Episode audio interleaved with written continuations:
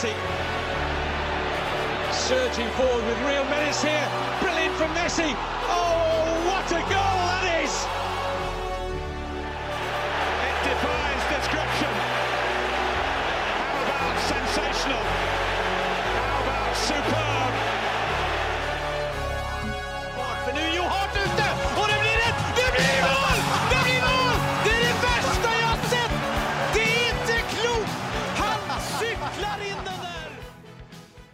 Ja, da kan jeg ønske hjertelig velkommen til episode 167 av den uh, supre fotballpodkasten uh, 90 minutter. Med meg i studio som vanlig Søren Døpker og Mats Granvold. Hei, hei. Hallo, hallo. God dag, god dag. Åssen er energinivået hos dere i dag? uh, jo, det, er, det er greit. Jeg har jo fått vært og lufta meg, jeg, så Ja, ja, ja. Jeg er ganske på. Men det er klart, det er jo, det er jo en stressende dag, denne podkast-dagen, så det går slag i slag. Åssen gikk uh, jakta, forresten? Det gikk veldig bra. Det Mm. blei både fugl og kanin, holdt jeg på å si, hare. Ja, så gøy. Så gøy. Og, og bikkja var i slag, eller? Ja da. Han jakta på det han fant, han. Samme det, var ikke om det var hare eller fugl. Apropos jakte på det som du finner, eh, Søren Døpker. Du eh, er på alle fotballkamper i hele Viken fylke og eh, litt lenger. Var på kamp i går også, ja. Jeg var på kamp i går. Det var Bygdøy-derby mellom Hyk og Monolitten. Ja. Var det bra, eller? Ja, første omgang var Altså, det det er en fryktelig Ja! Altså, det, det, var en, det er en fryktelig trang bane. Uh, så jeg så den banen og tenkte her blir det ikke sånn voldsomt mange mål. Og til pause var det 0-0. Men så ble det voldsomt med mål i andre omgang, og Monolitten vant til slutt 7-1. Mm, Så det var, var, var underholdende, og så skjedde veldig mye. Du var en tur i Trondheim òg? Ja, for å se LSK bli lørdag til søndag. Det var en fin tur, men eh, det fotballtekniske rundt den turen, da, det var ja. Ja, det er første målet til Rosenborg der, da. Ja, altså, jeg er mer irritert på andre og tredje. Altså, det er greit at altså, det, Men det er noe med at altså, Ja, første er jo en dommerfeil, eh, men jeg har med åra nå slutta å irritere meg så mye over dommerfeil, for de får man ikke gjort så mye med uansett. Jeg har heller lyst til å fokusere på det man får gjort noe med, og Vi skal prate om er den kampen etterpå. egne feil. Ja, ja, så vi skal ikke foregripe begivenhetene. bør ikke foregripe det. Bør ikke avsløre noe. Nei, det, ble, altså, den, det kan være skyting den søndagen. Starter jo med en breddekamp. Uh, Charlottenlund mot Nardo 2, og den endte jo 0-0. Og det er sånn Den eneste måten en breddekamp egentlig kan, uh, kan gå skeis, er jo om den ender 0-0 for mitt vedkommende. Og så visste jeg jo egentlig hvordan resten av dagen ble. Det var jo tap for Wolfsburg og tap for LSK. Ja, ja. Ja, det var, det var nydelig, nydelig fotballhelg for Døfker. eh. Selv vi fikk eh, ut, utsatt kampen vår, eh, så jeg hadde trenerfri i helgen. Fant ut at jeg heller skulle begynne å lage min egen snus. ja, lage min egen snus. Ok. Ja da. Eh, finne et lite smutthull der som gjør at jeg kan faktisk kjøpe råtobakk og, og lage min egen snus, og da Istedenfor å betale 85 spenn i butikken, så får jeg snusen til 27 kroner. ja. Fordi du lager den sjøl? Ja. Hva er oppskriften, da? Eh, råtobakk, da, som du på en måte allerede du har kjøpt i eh, Butikken? I, eh, nei, i poser fra fabrikken. Og så eh, blander du det sammen med litt vann, litt salt og litt smak. Eh, sånn smaksestrakt som de sender med deg. Så har du det. Det er bare marinere den inn i kjøleskapet 24 timer, så er den der. Meget, meget god. Du kan få lov å smake i løpet av sendinga. Men den boksen der så jo veldig butikkaktig ut. da. Ja, du må jo Altså, du får jo 500 stykker, så du må jo fylle på. Å ja. Ja. Så det, så, sånn er det. Så det, det er meget godt tips til de som eh, er avhengig av den dritten. Men går det på løssnus òg? Nei, det tror jeg ikke. Det er, da, du må på porsjon. Det må du. Um, nei, vi kan begynne med noen Twitter-spørsmål, vi som vanlig. Eivind Stølen har en veldig hyggelig melding til oss her. Eh, Dere har enorm breddekunnskap og en fryd å høre på. Stå på videre med gode refleksjoner, analyser og diskusjoner. Men får dere tid til noe annet enn det som handler om fotball? Og i så fall hva, og hvor mye tid bruker dere på å se på fotball i løpet av en helg skråstrek uke? Ja, det blir mange timer. Særlig du som må drive og analysere disse Ja, nå har jeg hatt fri en uke, da. Det var jo selvfølgelig fryktelig deilig å ikke tenke så veldig mye fotball, men eh, det blir eh, Det blir mange timer, altså. Det gjør det. Jeg tør nesten ikke å regne på det, faktisk. Nei, det er, det er litt skummelt. Eh, Og i hvert fall de ukene hvor jeg ikke har barna, så tror jeg jeg blir sånn, går litt inn i transe, egentlig. Fotballtranse? Ja, men det er jo godt. Dupkra, du, altså, du, du, eh, du varierer jo litt mellom 7. divisjon og, og Premier League. Det, Jeg må jo få med meg litt, eh, litt bredde fotball òg. Det er jo fint. Det blir jo, det blir jo mange timer fotball. Eh, det blir jo det. Men jeg føler Altså, jeg har jo tid til å tilbringe tid med samboeren, til å tilbringe tid med med I hatt, frakk og crocs, ikke sant? Eller er det det du har med deg på bredde? Verken eller. Og så har jeg litt tid til uh, tid til andre aktiviteter. Jeg liker jo å, å trene litt sjøl, i hvert fall. Uh, spille litt sjøl, men det faller vel under, under fotball, det òg. Få, få med seg litt sånn litt sånne koselige helgeaktiviteter. Dra på kafé, dra på loppemarked, uh, gjøre noe kulturelt, eh, sånne ting, da. Nå knakk Mats her! Dra på loppemarked! Ja, men det er koselig. Ja, men Det burde du sett komme, faktisk! ja, det er det jeg tenkte. Ble du overraska, tenkte jeg. Nå har vi kjent denne karen i tre år. Det var veldig funny for det.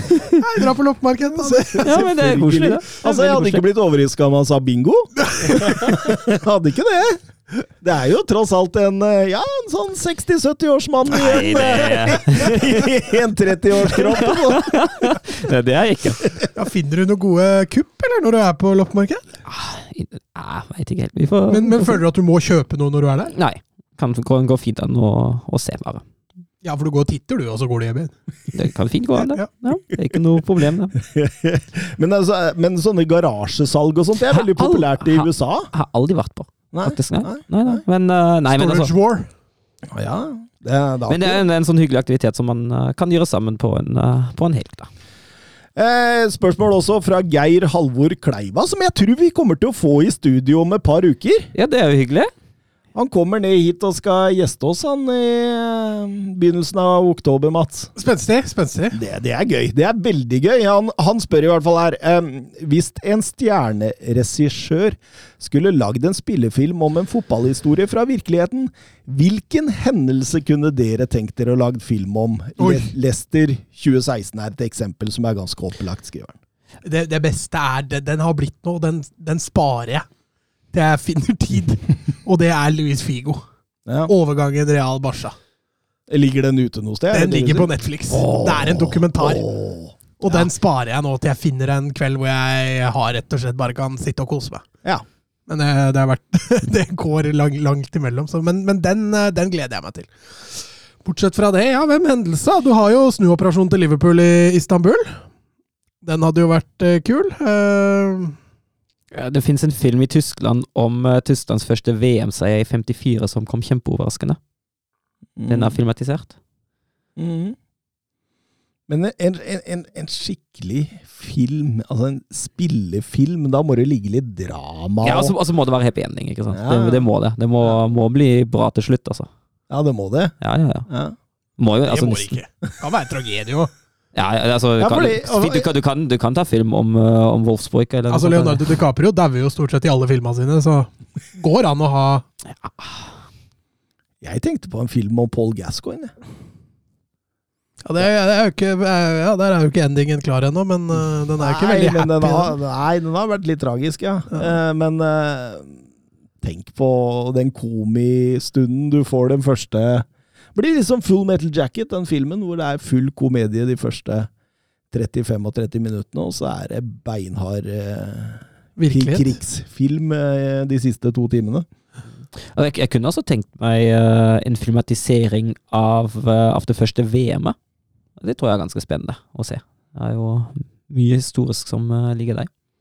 Og det siste VM òg, eller? Ja, det, det kommende VM. ja da, den uh, Nei.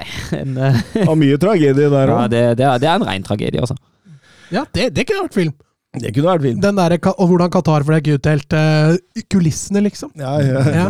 S- Filma som spion. Ja, how to make a, a traitor, holdt jeg på å si. Ell- Ellers tenker jeg jo uh, uh, tittelkampen i Premier League og The Final Day, City mot United i 2012, den hadde jo også vært uh, Det er jo filmmateriale, det der. Og akkurat uh, lydsporet til eh, skåringen til Aguero, den uh, får du nå.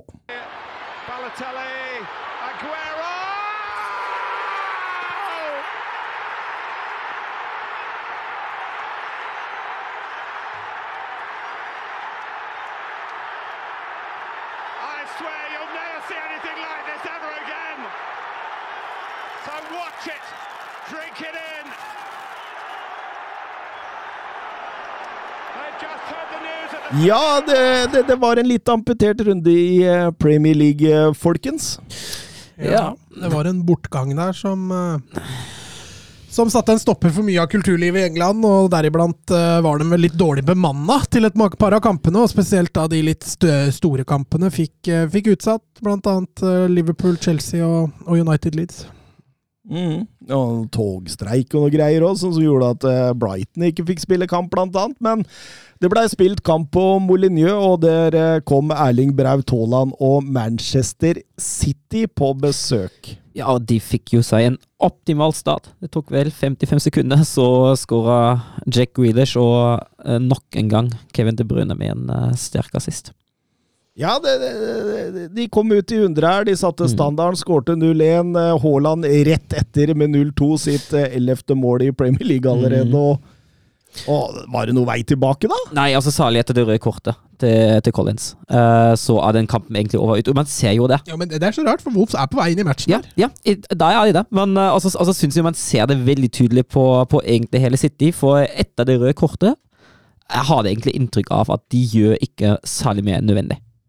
Det er bare å, å ta med seg de tre poengene her på egentlig mest eh, energisparende måte, virker det som. Og det er jo noen, eh, noen farligheter Wolves uh, skaper i andre omgang, sånne småfarligheter, men uh, Du fø- føler City har kontroll? City har kontroll. City har full kontroll. Mm, mm.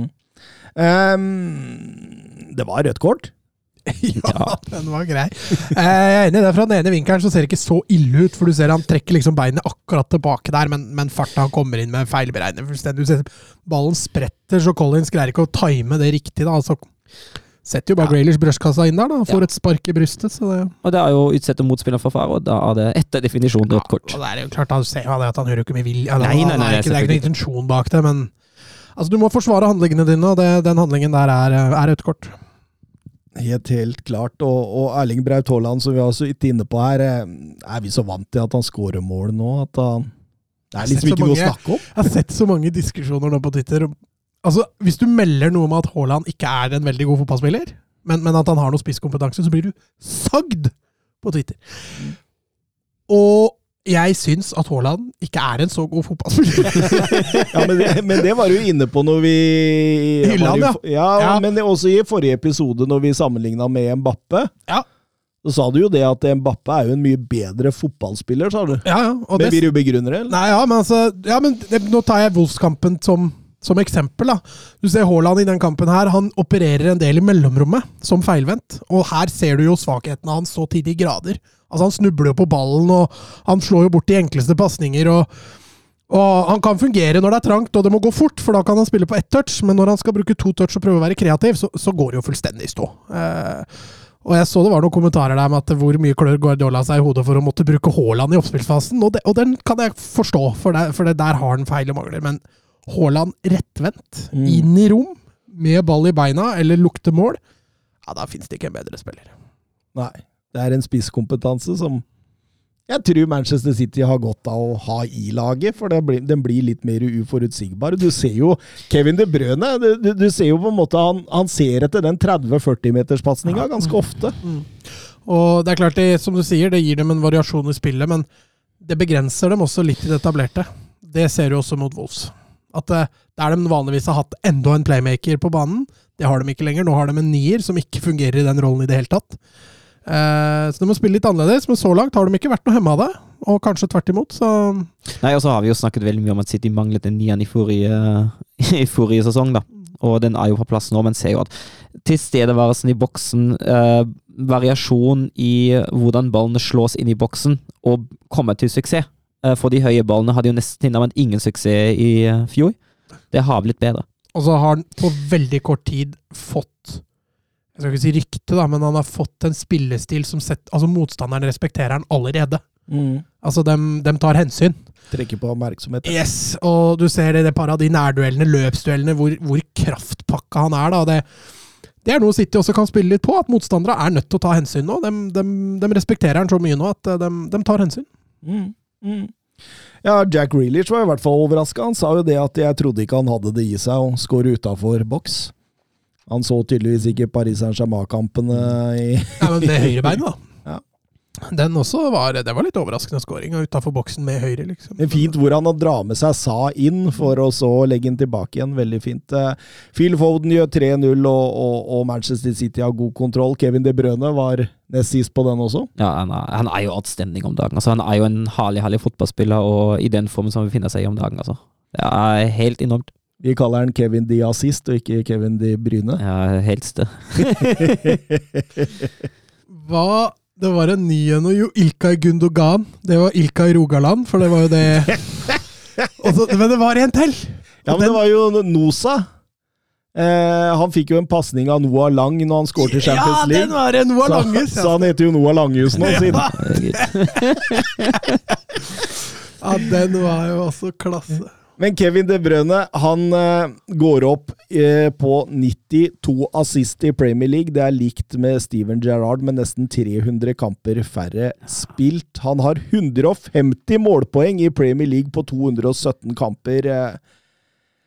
Det er bare å hylle. Det er bare å hylle. Og altså, nå, nå Avida, vi satte jo opp for to år siden satte vi opp den elveren i Premier League, beste elven i Premier League uh, siden år 2000. Åh, da fikk vi kjeft, husker jeg. Ja, fordi vi tok Steven vel- Gerrard var ja. ikke med, og Paul Ja, Scholes var men med. nå, nå, mener, altså, nå mener jeg eh, at uh, nå, hvis vi hadde den opp igjen nå, måtte Kevin De Bruyne inn der, på midtbanen, ved siden av Lampard. Mm. Punktum. Nei, jeg er for så vidt enig i det. I stedet for Lampard. Ved Du, siden du vil ha Scholes. Og Ja, ja. Oi, oi, oi. Ti av ti ganger. Det er vel et eller annet uh, sitat ute om Paul Scholes uh, fra Messi og sånt. Ja, ja, ja. Det er åpenbart en veldig beundra spiller, i hvert fall blant spillere. Paul Scholes er, jeg mener han er kanskje tidenes mest undervurderte fotballspiller. Mm. Eh, Twitter-spørsmål fra Ole J. Haaland. Eh, Wolverhampton har skåret tre mål på sju kamper. Jimenez-skada, Kalacic-skada, Neto og Podens varierende og Guedes har vel ikke mer enn ti mål i seg. Er selveste Diego Costa løsningen, og hvor gøy kommer dette til å bli? Eh, Det siste nei, og det første veldig gøy. Diego Costa er jo et fyrverkeri av en spiller, så er det klart at han begynner å dra på åra nå, så vi får se hvor mye energi han har igjen. Men uh, at han er løsningen på, på 20 mål for Wolves, det, det er han definitivt ikke. Har vel ikke spilt fotball på ti måneder nå? Nei. Så han, han blei jo frigitt uh, av Atletico Mineiro der uh, i januar, tror jeg. Så det, det men, men, men så dere forresten introduksjonsvideoen Ja, med, med ulvene? Ja, ja. Ja, han, han sa jo han var litt, han hadde litt respekt for dem, altså. Ja, han var direkte livredd. Ja, det var jo ekte ulver som han gikk og taua på der.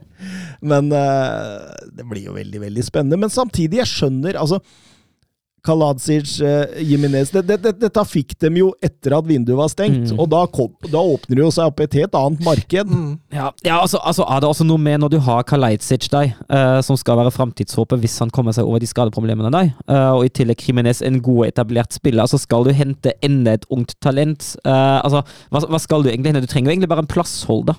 Ja. Og Kosta er jo akkurat den plassholderen som Wolfs trenger fram til de er friske igjen. Så er han bare 33 år. Mm, sier ikke mer. Eh, vi går over til Tottenham Si, Leicester. si litt til. Blir den bra, Edvardsen? Nei.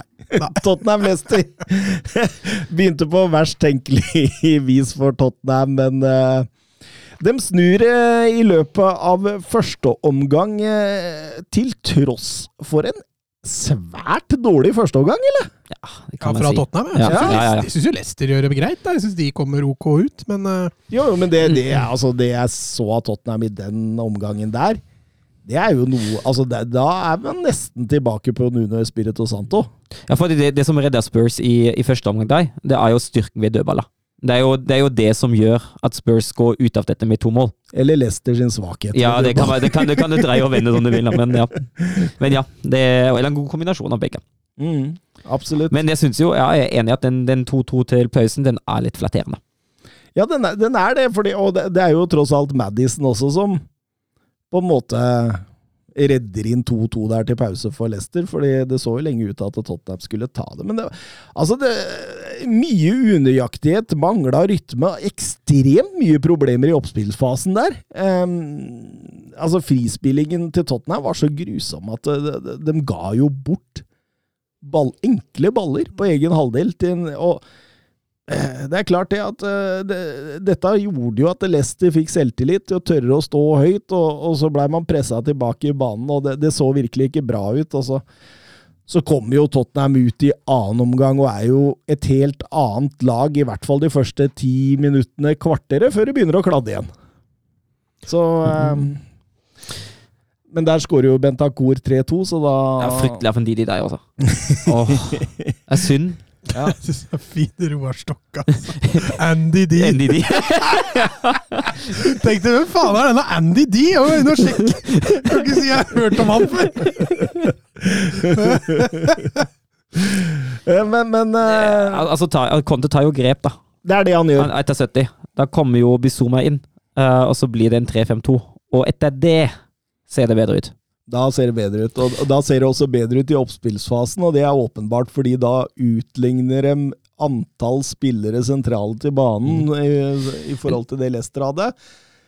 Plutselig var det litt større rom sentralt på midten der for dem, og da litt større alternativer, for litt flere valg, og da, da, da gikk det bedre òg. Ja, og den, eh, skal jeg bare skyte inn den redningen til Loris mot eh, Daka. Den er, den er verdensklasse. Den er fryktelig sterk. Absolutt. Eh, men, men eh, skryt til Conte der som tar grep. Skulle ønske han tok grep litt Ja, det jeg tenker jeg kunne gjort etter pause, faktisk. Mm.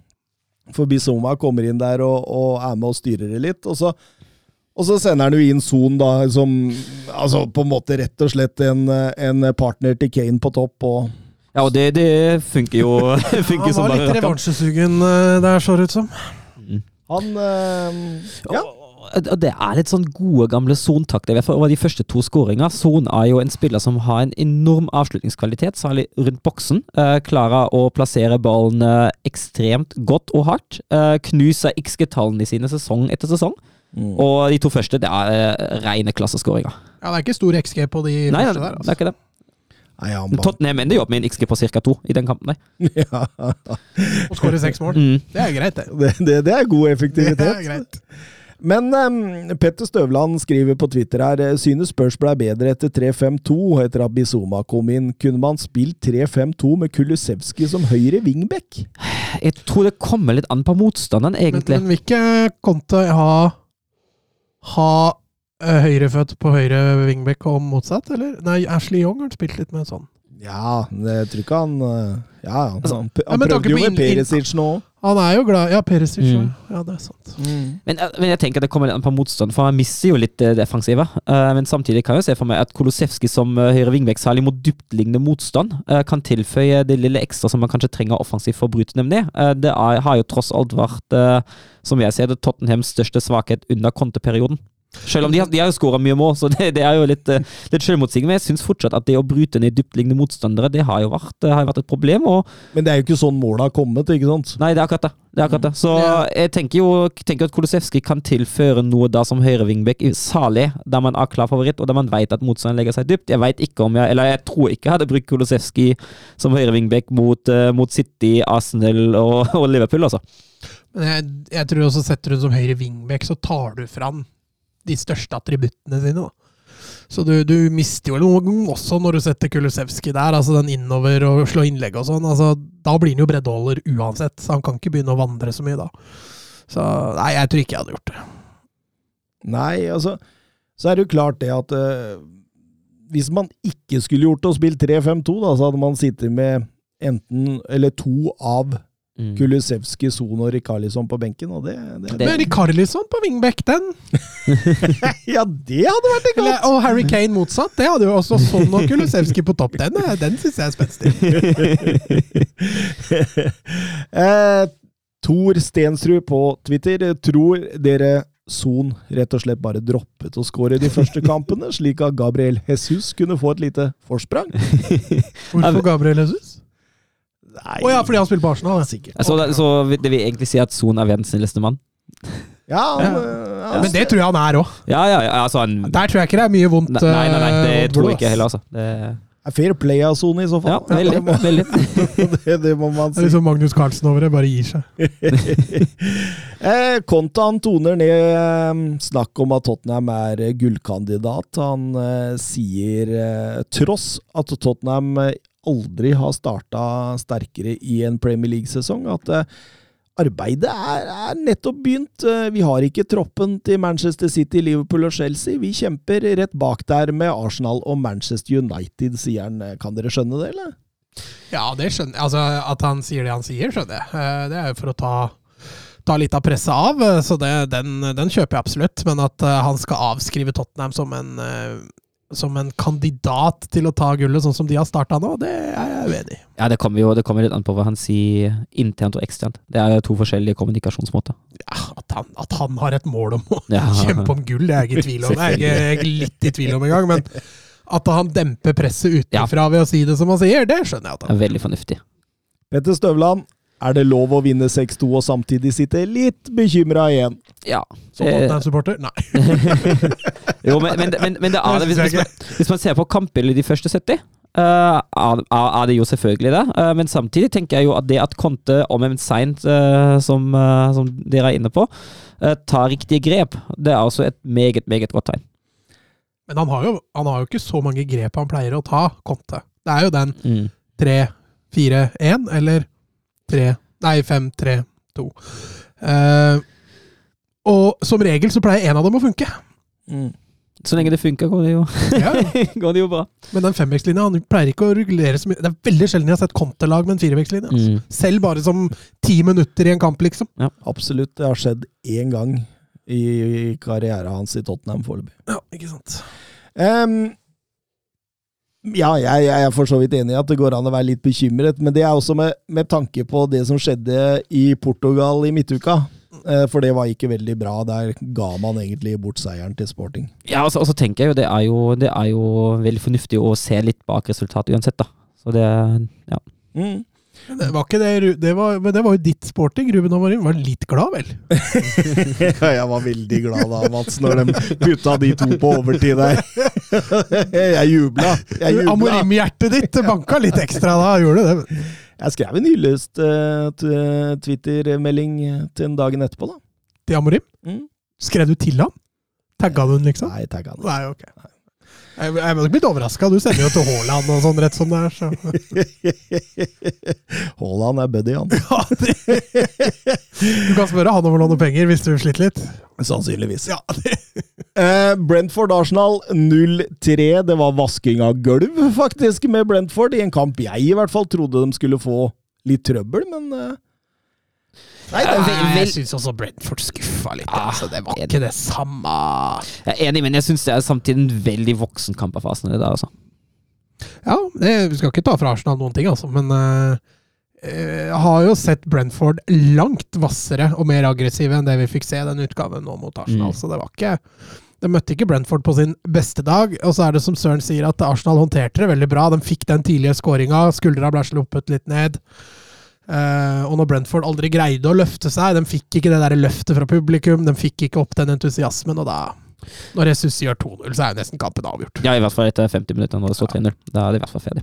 mm, Fint mål av Vieira der. Mm. Ny Vieira i Arsenal, det er som eh, Men eh, Hva er det jeg skal si? Jo eh, Jeg, jeg syns jo mm, for så vidt da, jeg, jeg er for så vidt enig i at Brentford ligger ligger, er dårlig i denne kampen her. Altså Det er milevis unna det man så mot Manchester United og Leeds, i energi, i press, i trykk og alt mulig sånt. Og Arsenal fikk det kanskje litt enklere enn de nevnte laga, men, men samtidig syns jeg Arsenal demonstrerer hvordan man skal vinne mot Brentford borte her. Altså Det er ekstremt gode på ball. I motsetning til Tottenham så var de ekstremt dyktige i denne frispillingsfasen nå.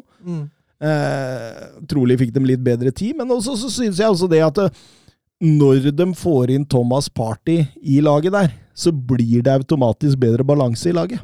Det er, han- er så viktig for dem i den balanse Ja, og, og særlig når, når Sjaka, Sjaka blir så mye mer offensiv nå. mm. Og så ser man også Arsenal i kampen av hvor gode de er i gjenvinning. Ja. Altså, de, altså de, de, de prioriterer kanskje ikke å vinne ballen hver gang, men de sørger hele tiden for at Brentford ikke får kontra. Og det, det er jo selvfølgelig en stor forskjell når du skal møte, møte et sånt lag som liker ut og kjøre fotball. Og mot slutten der så fikk vi tidenes yngste Premier League-spiller gjennom tidene. I eh, Itan Vaneri, som er ja, født i mars 2007. 15-åring, ja. Eh, Tidenes yngste ble jo tre dager eller noe foran. Nei, det var ganske Han slo Harvey Elliot og var godt opp i 16. Ja, men det er Premier League, da. Jeg snakker om eh, Ja, men jeg sa ikke Premier League. Du sa Premier Sa du Premier League? Ja. Ja, Det fordi, er vel der vi er nå, Mats. fordi han ene som debuterte i toppserien i England på 50-tallet en gang, han var tre dager eldre enn det han var nå. Å, Ok, okay. Så, så, så han var egentlig all over, ikke Ja, ja. bare i Premier League? Nei, nei. Ja, imponerende, imponerende. Eh, for meg et helt ubeskriva blad. Jeg har aldri hørt om den. Så det, og når jeg ikke har hørt om den så, Ja, men han kom jo fra ingenting, liksom. Det var jo overraskende at han plutselig ble dytta inn der. Ja, Han hadde vel så vidt spilt uh, reservekamper. Ja, det sier jo det meste, men der tror jeg Arsenal også tenker at ok, her har vi muligheten til å ta en rekord. ja, han så nok for seg den der, der han gjorde det, ja. Eh, Bernt Olav Gjellegjerde Hansen, var det Brentford som var svake, eller Arsenal som var gode her? Eh, Hvis dere sier det var Arsenal som var gode, da mener jeg dem er tittelkandidat. Er det feil? Altså, vi, begge deler. Er jo tittelkandidat på lik linje med Tottenham, i hvert fall. Ja. Nei, altså Gode og dårlige begge deler. Uh, det er jo to lag som spiller en fotballkamp, uh, og det kan fint, uh, fint være begge deler. Og jeg er enig i, i det du sier. altså ja, det er voksent håndtert, men samtidig altså Brentford har vært en hardnøtt å knekke uh, på bortebane for, eh, for Premier League-lagene så langt, men samtidig er ikke Brentford uh, den ypperste klasse som du skal slå for å vinne seriegull. Eller, nei, altså som du, som du egentlig uansett bør slå hvis du vil vinne seriegull, da. Uh, og det om, man, om de da faktisk er tittelkandidat eller ikke, det er litt sånn de kampene mot Tottenham, mot United som de tapte, mot Liverpool, mot Manchester City som kommer til å vise. Nå har de Tottenham og Liverpool etter landslagspausen. Er ikke sant? De, de blir eh, Og hvis de, hvis de skulle gå ut med seks poeng av de to der, så er det et uh, rungende ja, altså. Ja, jeg, jeg er bombesikker på at, um, at. Arsenal ikke vinner Premier League, men det, Nei, det er jeg med Tottenham òg, for så vidt. Det, for meg så er det, det det er bare ett lag som kan vinne Premier League i år, og det er Manchester City. Ferdig med det. Jeg er enig i det, men samtidig, som sagt, hvis de, hvis de nå finner på å slå både Spurs og Liverpool, så må vi regne dem som en tittelkandidat, i hvert fall. Ja, i fantasiland. Og Thomas sin måte å avskrive deg 100 på. Jørgen Nystuen.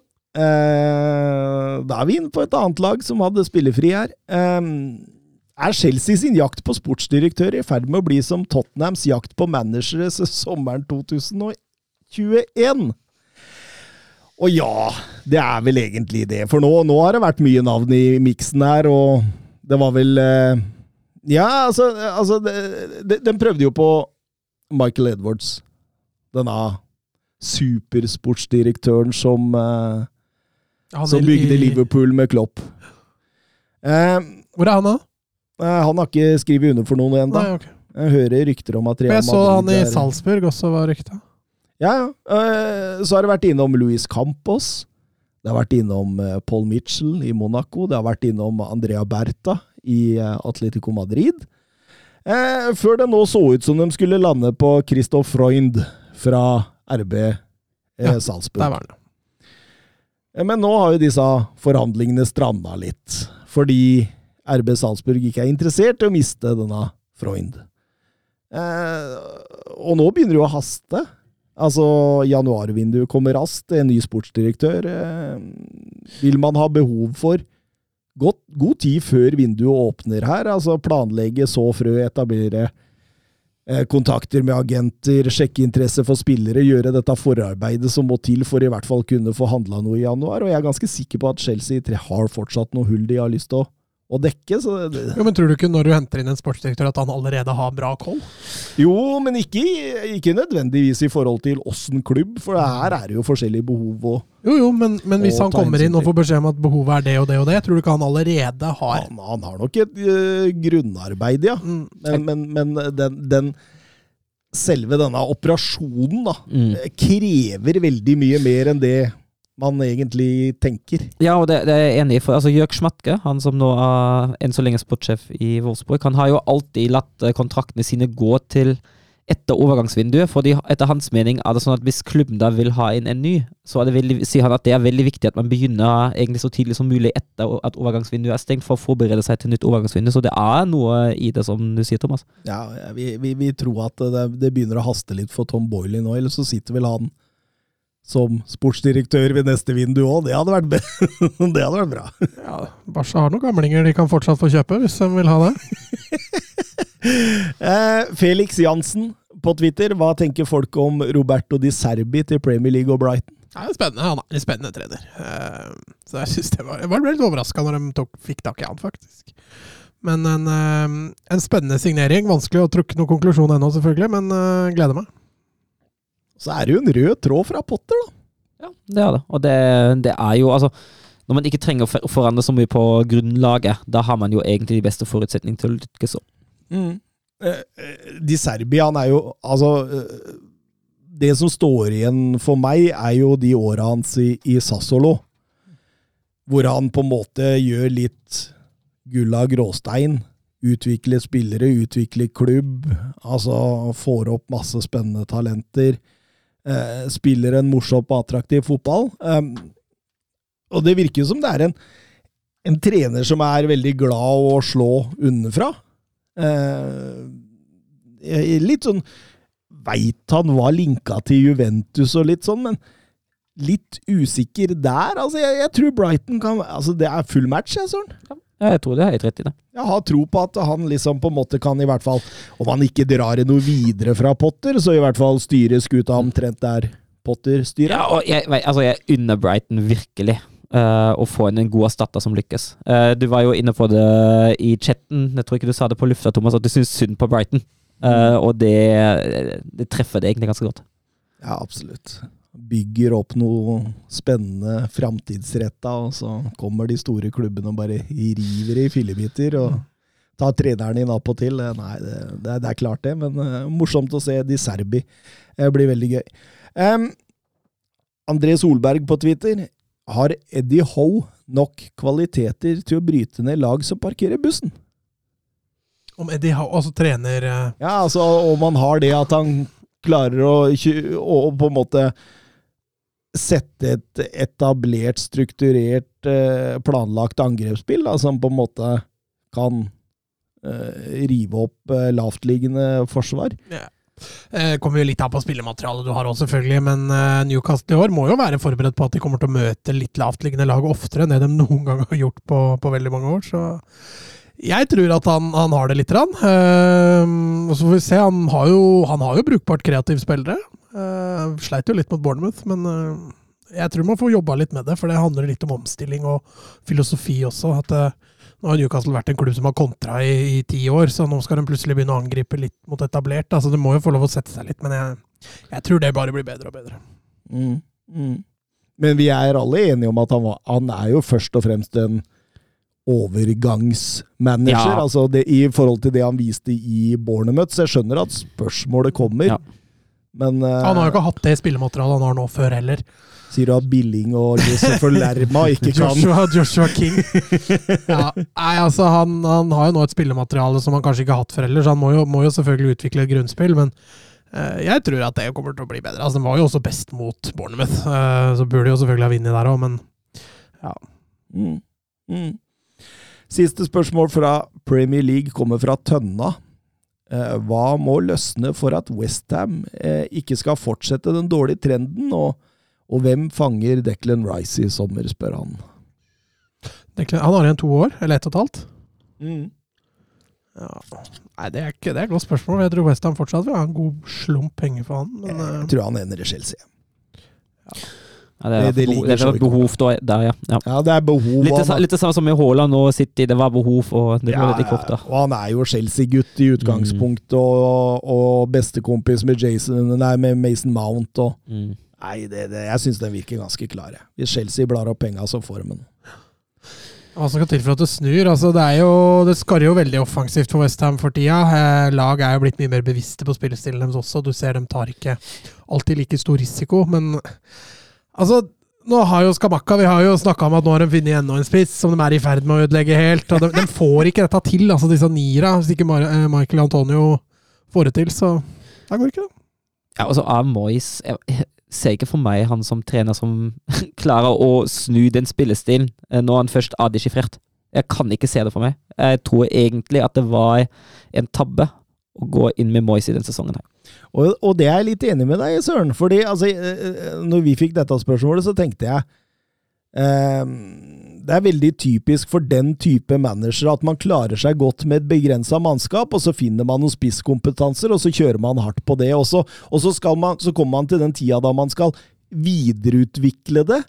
Og man henter stjerner, Skamakka, Paketa, ikke sant? Eh, Cornet, Aguer.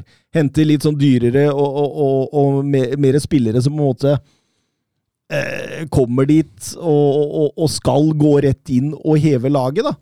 Og da går det gærent. Den historien har vi sett mange ganger før. Så, og så skal det jo nevnes at sentrale offensive brikker som var veldig gode sist sesong, ikke har vært så gode i innledninga. Altså en Bowen, Fornals, Michael Antonio du var inne på.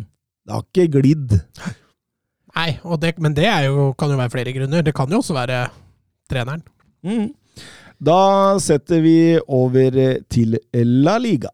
Ja assistència de Xavi més cap a la per Messi, Messi, Messi, Messi, Messi, Messi, Messi, Messi, immens Messi, encara Messi, encara Messi, encara Messi, encara Messi, encara Messi, encara Messi, encara Messi, encara Messi, encara Messi, encara Messi, encara Messi, encara Messi, gol, gol, gol, gol, gol, gol, gol, gol, gol, gol, gol, gol, gol, gol, gol, gol, gol, gol, gol,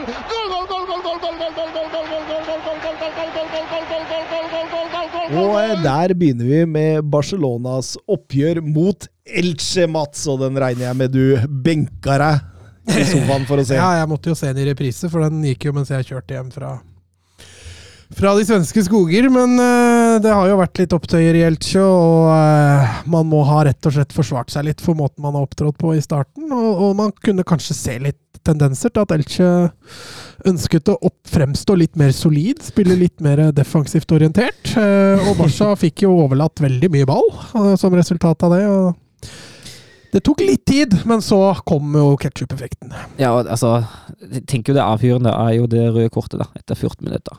Ja, ja, for all del. Det har kjempemye å si. Eh, og da blir det jo selvfølgelig at det blir enda mer. Men du så liksom hele fokuset til Elche i den kampen her var å være så godt som mulig defensivt strukturert. da. Og at du kommer fra dette med 3-0 på kamp nå og har spilt da nesten 90 minutter med ti mann, så tenker jeg at det er et OK resultat. Har du sett uh, XG-tallene? Jeg får høre. Barca 5,18. Ja. Elche 0,01. Og det så man jo. Ja. det var Barca mye ball på Elches banehalvdel, og Elche ligger kompakt og smalt. Og, men Barca har fått en storskårer, da.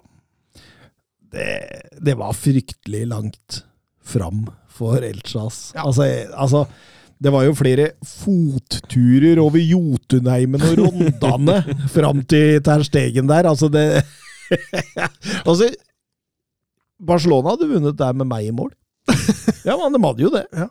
Altså, det der, der altså ah, Skal, er du, skal vi fordi- få enda et La Liga-lag som begynner å spille sånn fotball? Da blir det gøy framover. Jo, men altså, nå, nå, nå har det jo vært litt, som sagt, litt, eh, litt opptøyer der, og, og eh, Rodriguez, da, treneren til, til Elche, han, han har fått hard merfart, og eh, man spekulerte jo i at det var den siste opptredenen hans eh, på kamp nå, men Barca syns jeg den fremstår nok en gang solid. Slipper til Elche veldig lite. Når det blir riktignok ti mot ni, så, så setter jo det selvfølgelig premissene, men, eh, men en solid forestilling uh, av Barca.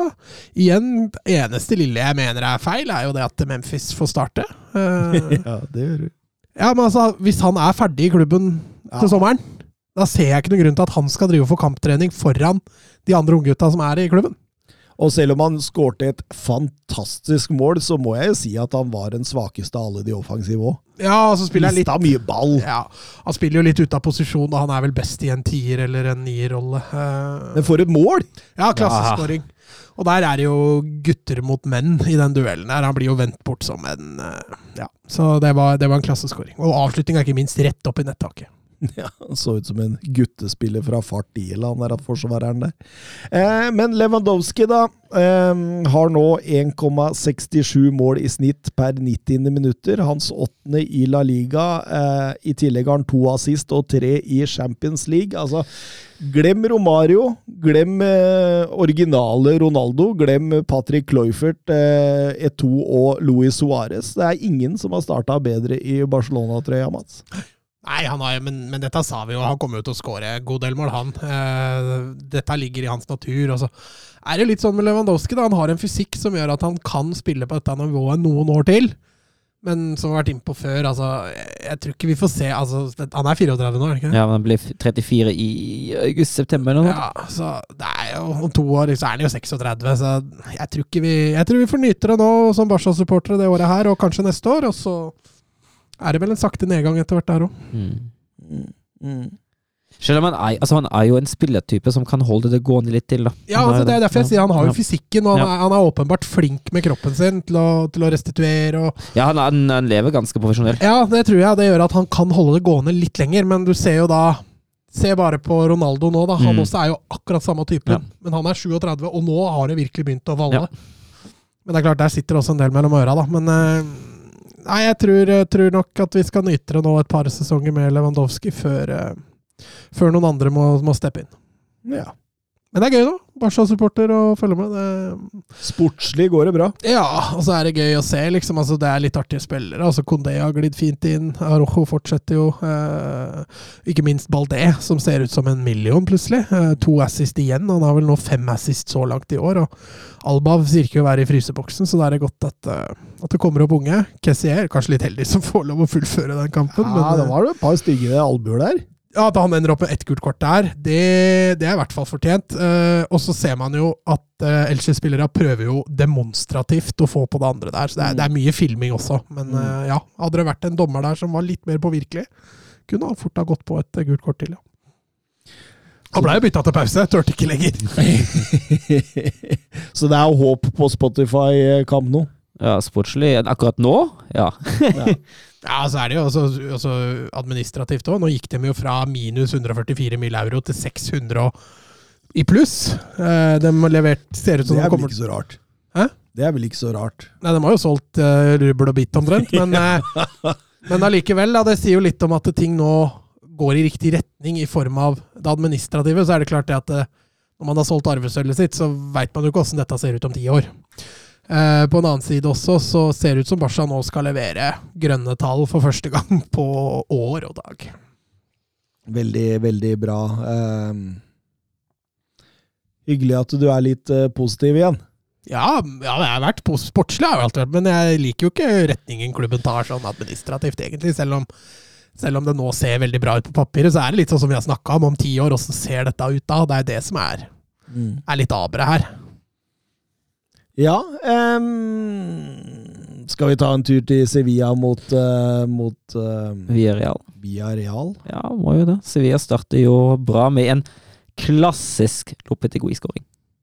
ABC? Ja, vende, vende, vende ut på høyre kant. Uh, 45 inn og skåring. Det er klassisk, det. Ja, altså Sevilla dem, dem sliter fortsatt med å finne konstellasjonene defensivt. Eh, kjører jo på med disse unggutta bak der, i, i Salas og, og Carmona nå, som har faktisk begynt å få litt erfaring. Eh, Gudelli, som fortsetter som stopper, er jo opprinnelig defensiv eh, midtbanespiller. Så han sliter med å finne ut det defensive Lopetegi. Eh, fungerte situasjon de har satt seg i, egentlig. ja, så Condé og Carlos Salga har de løst svært dårlig. Eh, og Marcao, som var henta inn som en kalle, Han har jo vært skada, så han får dem ikke brukt. Eh, men nå har de i hvert fall klart å, å slore sammen noen resultater. Nå har de vel én seier, to uavgjort og ett tap på de siste fire, så sportslig ser det litt bedre ut. Og så ser man jo i den kampen her at Villarreal er jo det klart beste laget og førende laget. Eh, så kan man jo argumentere med at sånn, sånn vil Sevilla at det skal se ut også, men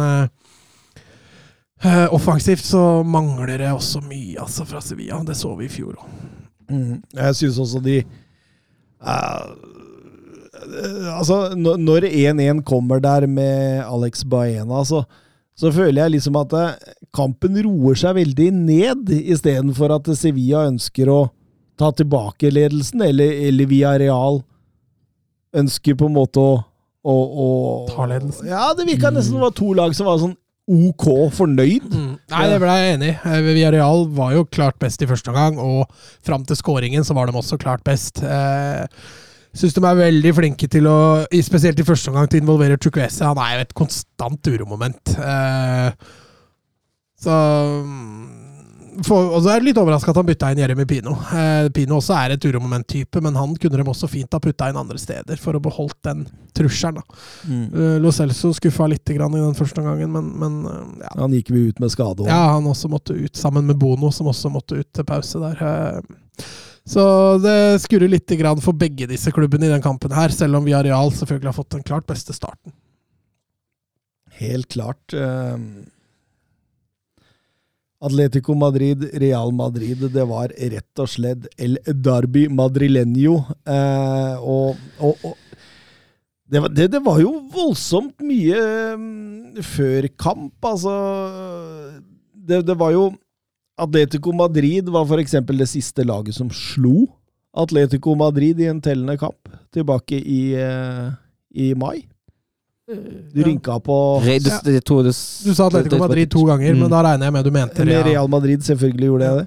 Eh, og eh, ja, det er jo altså premissene for kampen var jo at det var mye, mye oppmerksomhet rundt Venitius og disse dansegreiene hans. Eh, merkelig at det har fått så mye oppmerksomhet, egentlig. Men så blei det jo også prega veldig av, av rasisme både før og etter utafor stadion. Det var jo han der Pedro Bravo, han fotballagenten, som hadde vært ute og sagt at han eh, oppfører seg som en eh, apekatt, og at han ikke viser respekt for motstandere. motstandere. Og det er sånn oppmerksomhet som er fryktelig unødvendig. Eh, jeg, ikke noe, jeg ser ikke noe poeng i det. Altså, Det som er så trist, da, det er at fotballpersonligheter får lov å sitte og, og gulpe opp slike ting. For det, du ser jo, altså Utafor stadion før kampen så er det jo en haug av Atletico Madrid-supportere som står og synger 'Venitius er en apekatt'. Han er en apekatt. det er så kvalm, det, altså. Og det, Ja, og liksom- etterkampen òg var ikke noe bedre da. Og La Liga har jo vært flinke til å slå ned på rasismesaker på tribunen, men de har jo ikke den autoriteten utafor kamp. Så nei, vi får håpe det får noen konsekvenser, altså. For det er, det er lavpanna, uutdanna mennesker som Men, men deilig å se at Venitius danser likevel. Ja, ja, ja, for all del. Nå var det jo Rodrigo som starta den dansen, men uh... Ja, altså, og altså, Gabriel Jesus gjorde Ja, vel den dansen i, i Premier. League. Ja, altså, altså, altså, altså rent, uh, rent bortsett fra at rasisme er noe av det ekleste jeg veit, og at uh, det er helt sykt, eh, det som kommer der, i Venitius' retning. Jeg har sett sikkert 100 eh, feiringer som har vært verre eh, og mer hånlige mot motstanderen enn det der, altså. Jeg, jeg, ser ikke, jeg ser ikke problemet med det. Nei, ikke, ikke i det hele tatt, faktisk. Så skal det også sies at eh, Barcelona og Atletico Madrid er i møter for å prøve å løse Grismann-sagaen. For Grismann han starta! Ja, Ja, men- så det er jo kanskje åpenbart at det er en løsning i, i tunnelen der. Det er, det er jo fornuftig. Altså, jeg tenker Barca ser jo at de nå mister altså, hvis, hvis Grismann sitter den sesongen på benken og kommer inn etter 60-70 hver eneste kamp, så mister jo Barca eh, også et salgsobjekt neste sommer. Uansett. Ja. Nei, det er ingen som er tjent med det. Så får heller senke den prisen litt. Og Barca har jo Får heller bare svelge den kamelen. Når de svelga nok kameler gjennom hele to år, så får svelge en kamel til. Det er snart fullt her nå. Ja, de er dritmette, faktisk. Men kampen, da, det var jo en utrolig morsom fotballkamp. Det var det, og det var litt glød og tenning og spenning. Det har vært eh, gått litt langt imellom de kampene hvor det virkelig har vært full fyr i teltet. Og det, det var eh, Det var intenst. Og det er sånn det skal være. Det burde vært sånn hver gang. Ja, det, altså, det var jo to sånne hongemenger før det hadde gått fem minutter der. Du skjønte jo lista var satt, og Diego Simione han var jo en del av det. Sto der på, på sidelinja og veiva med armer og bein. Og det, det, det, du, du skjø- det var trøkk. Det var litt sånn Derby-feeling over det hele, da. Mm. Og det går som sagt litt mellom hver kamp nå, eh, så det var, det var veldig, veldig gøy altså som nøytral å sitte og se på. Det var gøy som nøytral å se eh, løpet til Rodrigo på 0-1 der, eller på 1-0-skåringen der. Det var like bra som 0-1 ble det. Ja. Det er helt nydelig. Det er et langt veggspill eh, som er fantastisk utført, og en herlig avslutning. Og så kan du lure litt på hva Filipe velger. Eh, Men fullstendig mot spillets gang, da. Ja, ja, jeg syns Atletico tar jo ikke tak i kampen med en gang.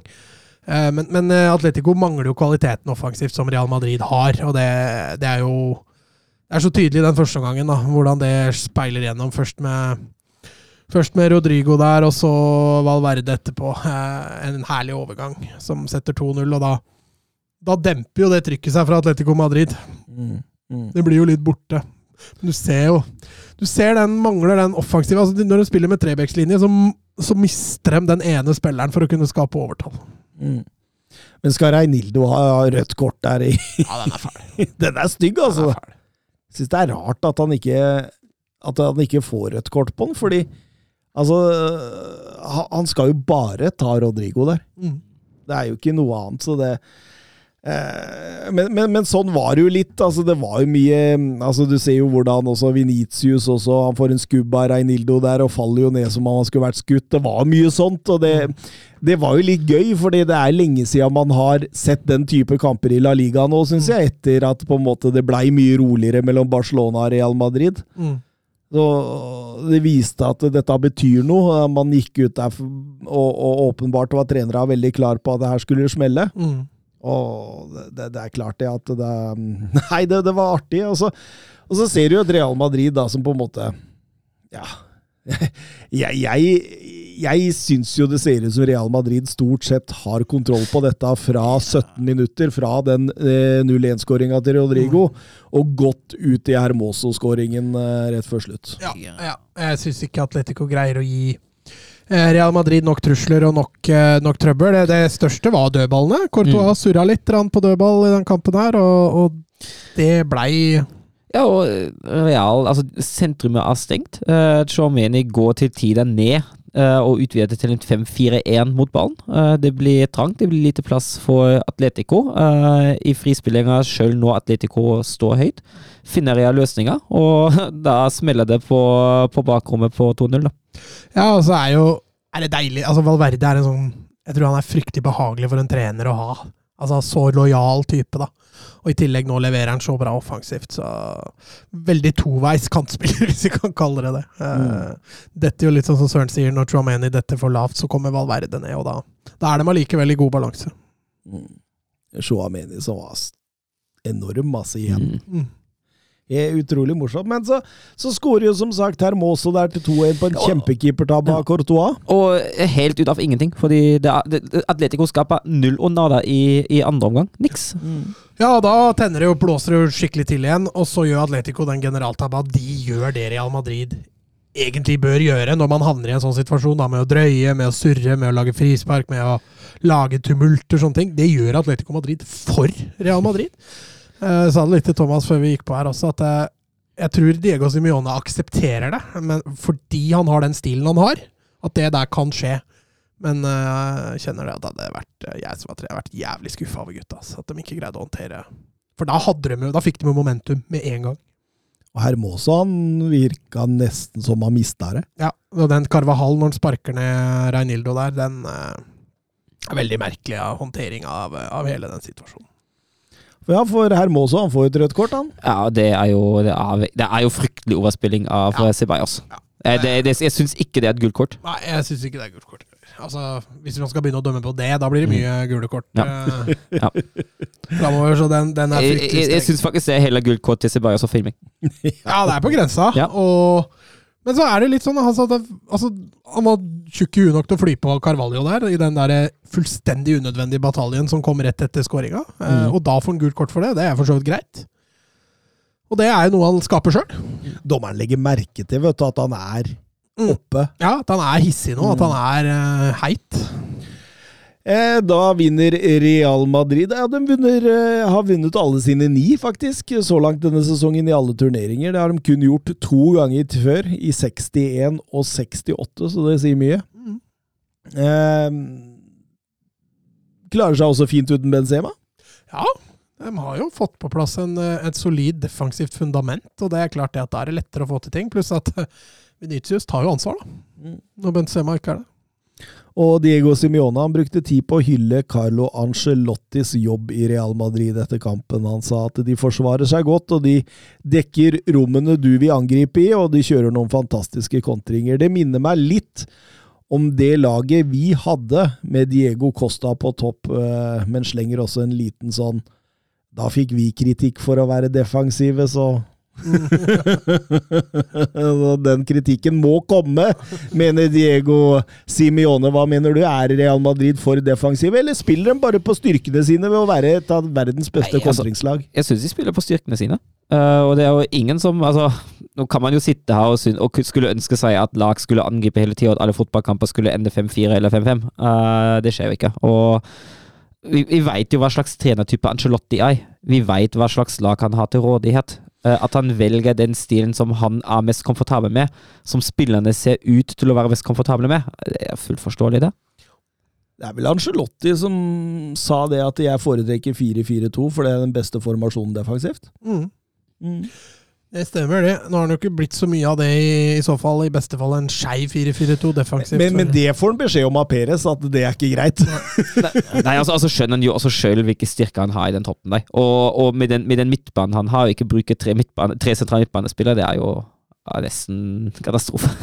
Men det også så du på Atletico Madrid nå, og det har jeg selvfølgelig sett lenge. Når de spiller med en treer sentralt, så spiller de med tre sittende. Ja, De spiller jo ikke med indreløpere, det. De spiller med tre sittende, og det gjør de med den kampen her. Og det er jo Felix og Grismann og noen ganger Jorente og Carasco som skal liksom gjøre det offensivt. Kåke, Kondogbia og, og Rodrigo ligger jo bare og, og skjermer. Ja, ja. Absolutt. Er litt spesielt. Um, Steffen Hansen på Twitter. Eh, Hvordan vurderer dere styrkeforholdet Real Madrid-Barcelona etter seks serierunder? Ah, Jevnt. Ja, det er jevnt. Styrkeforholdet. Altså, Barca har imponert. Kanskje mest offensivt. Real Madrid imponerte mest defensivt, på tross av at Barca bare har sluppet inn ett mål. Så, så, så syns jeg jo det at eh, den El Clásicoen, skulle det vært spilt i morgen, så hadde tror jeg nok jeg hadde gått for en U, altså. Ja. Jeg syns Real Madrid ser litt mer solide ut, på en måte. At eh, her kan vi dra i land seier, og vi er godt organisert, og vi veit, men, men jeg syns toppnivået til Barcelona, spesielt da offensivt, er større. Ja, altså Det var et lite skål, den Bayern-matchen. Bayern-matchen, fordi der er man jo fullt på høyde med motstanderen, og i perioder er man bedre. Allikevel taper man 2-0. Mm. Og et Real Madrid-lag sånn som de fremstår nå, hadde ikke gjort det. De hadde vunnet De hadde vunnet, det. Så det er litt sånn som du sier, kanskje forskjell. Skal sies at eh, de bør få straffespark. Hvem da? Barcelona. Mot Bayern? Mot Bayern. Ja, men det burde altså den der, De to til Lewandowski. Ja, ja, ja, det må jo bli mål. Mål. Så ja, de skulle jo selvfølgelig også hatt et straffespark der. Selvfølgelig kunne ikke han skåre der. Men hva, hadde han en liten med Müller, eller? Ja, det så før kampen, da. Ja ja, Müller var ikke happy. Nei, ikke Lewandowski heller. Nei. fordi når de gikk på vei ut, så gikk Lewandowski bort og hilste på alle. Ja, ja. Men Müller gikk den forbi. Ja, altså, og Mulla ville jo ikke hilse på ham heller, åpenbart. Det var jo litt sånn ja, Men det er jo Altså, jeg veit ikke, men eh, altså, Mulla er jo litt sånn den Bayern-spiller. Altså, han er jo mista Bayern München i den troppen der nå. Uh, og jeg kan jo tenke meg at uh, er det én spiller som ikke syns noe om oppførselen til Lewandowski mot egen klubb, da, så er det jo Thomas Müller. Ja, men Du så jo på oppvarminga, så pekte han på Bayern-merket Ja, ja. til Lewandowski, og Lewandowski bare vinka det bort, liksom. Ja, ikke sant? Og når de skulle ut på matta, så Ja. hilste Lewandowski på Ja, ja, ja. alle. Men han gikk bare forbi. Müller. Ja, det er, det er, det er sikkert at uh, Mulla mener at den oppførselen til Lewandowski mot Bayern har vært helt tullete når han prøvde å presse, eller når han presset fram den overgangen.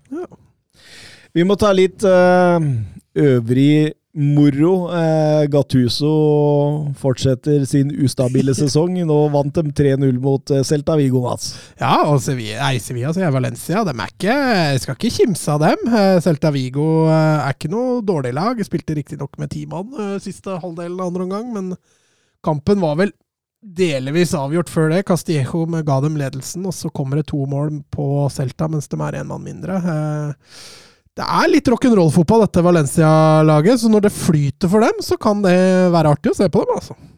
Castillejo, eh, Cavani og Lino på topp, Ja, Cavani var back in business. med en Cloyfert på benk.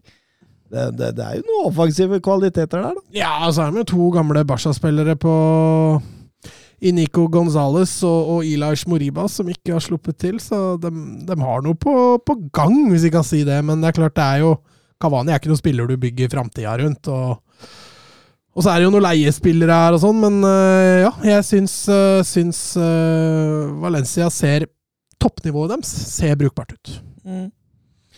Et annet lag som er inne i topp fire nå. Det er Real Betis, og, og det er en Borja, Iglesia som Han begynte å skåre mål, Mats! Ja, og nå har han jo tatt ut i den spanske landslagstroppen også, så han øh, han har noe på gang, han nå, og skårer jo brorparten av måla til, eh, til, Betis. Det skal sies at det var ikke noe god kamp av Betis nå mot eh, Girona. Får jo et straffespark tidlig, nei, får jo straffespark tidlig som gjør at det blir 1-1 etter at Girona hadde tatt tidlig ledelsen.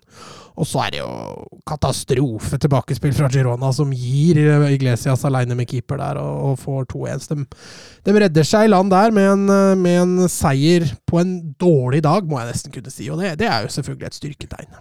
Det er kamper Betis ikke har vunnet tidligere. I 2022 er eh, det kun Karim Benzema som har eh, flere mål av nåværende La Liga-spillere enn Iglesias. Mm. Det er ikke uten grunn at han har fått blitt tatt ut. Uh, han, han, kan tilføre noe som en rein nier, da, som de ikke har. Uh, altså En, en Gerard Moreno-type som de har hatt tidligere, da, er jo ikke en rein nier-type. Og de har jo brukt Ferran Torres som en nier, og det er jo ikke Så, så de velger å ta inn noe en som, som kan fungere mer som en spiss. Da. Så det skal bli spennende. Jeg tror ikke han starter noe, men at han kanskje kan få, få litt innhopp. Mm, mm. Og Sørloth skårte for La Real. Ja. det var jo en eh, Det var en enkel scoring. Kubo som gjør forarbeidet der, og blir jo kvesta av keeperen, men uh, heldigvis lar dommeren gå til fordel, og så får Sørloth skåre på, på åpent mål. Men det uh, hadde jo vært et soleklart straffespark, uh, hadde det ikke vært for at den skåra. Men det er jo litt morsomt da, at vi har to norske spisser i, i La Liga nå. Jørgen Strand Larsen han spilte vel også fra start i den nevnte kampen mot, mot uh, Valencia. Ja, han starta jo ikke første matchen. Da kom han inn fra benken og hadde en uh, leken assist. Uh, kampen nå sist fikk han starte sammen med, med, Aspas, men fikk jo ikke fullføre. da Det blei jo mye surre der når han fikk det, fikk det røde kortet. Mm. Atletic Club henger med på nummer fire.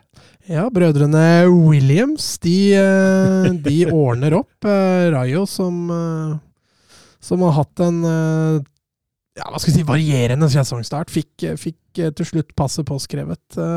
Blei litt spennende på slutten, og Falcao fikk, fikk satt 3-2, men Bilbao vinner, vinner fortjent. Og Valverde har fått en knallbra start. Det er godt, det er godt, det er fortjent, det. Um, er du klar for litt Bundesliga, eller, Søren? Ja. litt mer entusiastisk nå, Søren. Er du klar for Bundesliga? Ja! Ja! Er macht ein richtig gutes Spiel. Jan Schimonek. Die Wolfsburger lassen so gut wie nichts zu. Grafit. Grafit gegen Lell. Jetzt wird's eine Demütigung. Guckt euch das an. Bist du verrückt? Bist du verrückt? Tor des Jahres. Die Bayern. Og til den glede, Søren, så skal vi ikke snakke om Wolfsburg enda. Mm. Eh, vi begynner med et annet lag som er litt i vinden. Bayern München. Vi var på tur til Augsburg og røyk 0-1. Røyk 0-1. Uh, Augsburg har valgt å ha en aggressiv og høytpressende inngang.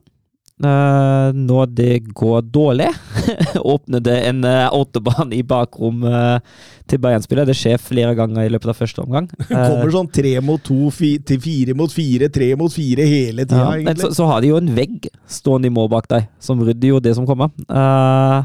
men når det går bra, da, så ser vi at Bayern også lar seg stresse i frispillingsfasen. det har vært en del situasjoner der Bayern ikke har vært suveren i den kampen når de skal spille ut ball mot presset. Uh, og jeg, jeg har snakka litt før om at jeg mener at Bayerns forsvar denne sesongen har vært shaky, og jeg syns vi ser det i aller høyeste grad, og særlig Opamecano. Uh, det er en del situasjoner der Augsburg fint kan ta ledelsen i første omgang. De skaper en del store sjanser. Mm. Størst er kanskje den til Bauer, uh, som hedda over rett alene med fra 7-8 meter eller noe sånt. da. Jeg er ganske sikker på at Julian Nagelsmann var ikke veldig fornøyd med hvor lite de klarte å kontrollere dette her, Mats. Ja, det, Nagelsmann er jo den typen også som ønsker å Altså ikke kontrollere nødvendigvis med ball, men at man er posisjonelt gode, da. Eh, Bayern er jo, som Sørene påpeker, i frispillinga er jo nesten litt sjokkerende innimellom. Hvor, ikke, kanskje ikke naive, men, men, hvor lett de tar på det. Mm. Og Augsburg, som du sier, de er, jo, de er jo aggressive og står høyt, men Et Bayern i form her hadde jo vunnet Altså, altså Bayern, det er jo Bayerns krav å finne løsninger og ta, og ta det rommet som tilbys mot sånne lag. da. Det er egentlig spillet altså, Det som skal jo skje når et lag står sånn mot Bayern, at de spiller rett inn i Bayerns maskineri. Men du så det også mot Borum. altså Greit, de vinner kampen 0-7 til slutt, men i starten hadde Bayern også uvant store problemer der Borum sto høyt. Mm. Det er greit nok, de vinner 7-0 til slutt. Ja, ja, men det, er jo det. Ja, men Men, nei, denne kampen kunne jo vært 7-0 også, hvis. Bayern hadde, jo, hadde gjort som de Men, skulle. men, men det er jo enkelt å tenke at grunnen til at det ikke blir 7-0, er at de savner en Lewandowski der. For jeg tror jo en Lewandowski i denne kampen, så fort, kunne de fort ha tre og fire mål. Men det som skjer nå, da, det er at når de kommer i disse situasjonene hvor de har vært Altså, det har vært, det har vært standard. Det er å se opp, se etter Lewandowski i boks og, og mate han. Nå så er det sånn vi tar et hælspark, en hælflikk, vi hopper over, vi, vi tar et ekstra touch. Altså, det, det blir så fancy, Ja. istedenfor å gjøre det Mm. så enkelt som mulig. Ja, og de avslutningene de kommer til, eh, de brennes. eh, ineffektivt eh, foran mål. Gi- altså, Gikiewicz har jo en fremragende kamp. Uh, Sadio Mané han er jo helt ute av det. Eh, jeg tror til og med jeg tror eh, Manuel Neuer har flere avslutninger, farlige avslutninger i retning Gikiewicz enn Mané. Jeg tror Mané hadde én, Neuer hadde to, eller noe sånt. Han har jo, han jo to headinger etter, etter kona på overtid. Den ene som han, som han header over, den andre som Gikiewicz redder fremragende. Så Noyer viser jo at han er en trussel, han. Ja, nei, han, er jo, altså, han er jo en meget god fotballspiller nå, men eh, nei, jeg er helt enig. At det er noe sånn Altså, du har, du har variabiliteten, og de er veldig variable i angrepsspillet, men de har egentlig ingen klar struktur. Alt er litt sånn løst og, og vablete, hvis man kan si det sånn. da Ja. og den strukturen mangler litt. Og jeg syns jo altså, vi, kan, vi kan jo ta 1-0, da. Uh, forferdelig forsvarsspill uh, av både Sané og Kimmich Uh, på en sånn Arne Erlandsen-frispark. Og, så syns jeg jo altså det Nagelsmann gjør. Altså kommer 1-0. Og rett etter 1-0 viser jo Bayern-laget en reaksjon. Har to gode muligheter, begynner å komme seg og opparbeide seg litt momentum til tross for at de har fått 1-0 i sekken. Og så bytter han. Og så Først bytter han jo inn, eh, inn Gnabry for Masraoui, og sender Kimmich ned til høyre bekk og tar, jeg syns han tar ut både momentum og struktur ut av laget sitt. Mm. Jeg kan forstå hvorfor Gnabry kommer inn, men jeg syns ikke han lykkes særlig godt med det. Nei, han gjør jo ikke det. Han, han bytter jo Kimmich opp i midtbanen eh, litt seinere. Ja, og den! Den, den, den er litt spesiell, fordi han, han setter jo inn Stanisic på høyrebekken der. Og, og for Mosiala. Ja. Når det er Når de jakter et mål, når Mosiala er en spiller som kan gjøre forskjellen. Jeg syns det, det, det er et fryktelig svakt bytte.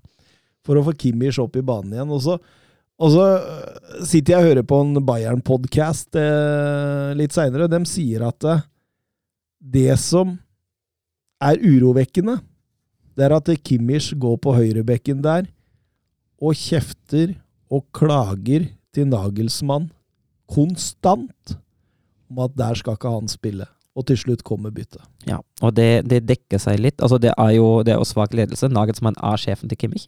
Eh, og da må Kimmich føye seg, rett og slett. Eh, og, og gi etter for press fra enkeltspillere om de, eh, om de har Uansett hvor mye de har å si i spillergruppen. Det er ikke et godt tegn, jeg er helt enig. Uh, og det ligner litt på det tyske medier har spekulert litt rundt, en, rundt håndtering av Lewandowski-saken. Uh, Lewandowski har, skal visstnok, etter det ryktene sier, aner ikke om det stemmer, men skal visstnok ha oppført seg på en måte i Bayern-garderoben mot slutten som ikke har vært særlig bra. Har ikke oppført seg bra mot klubben.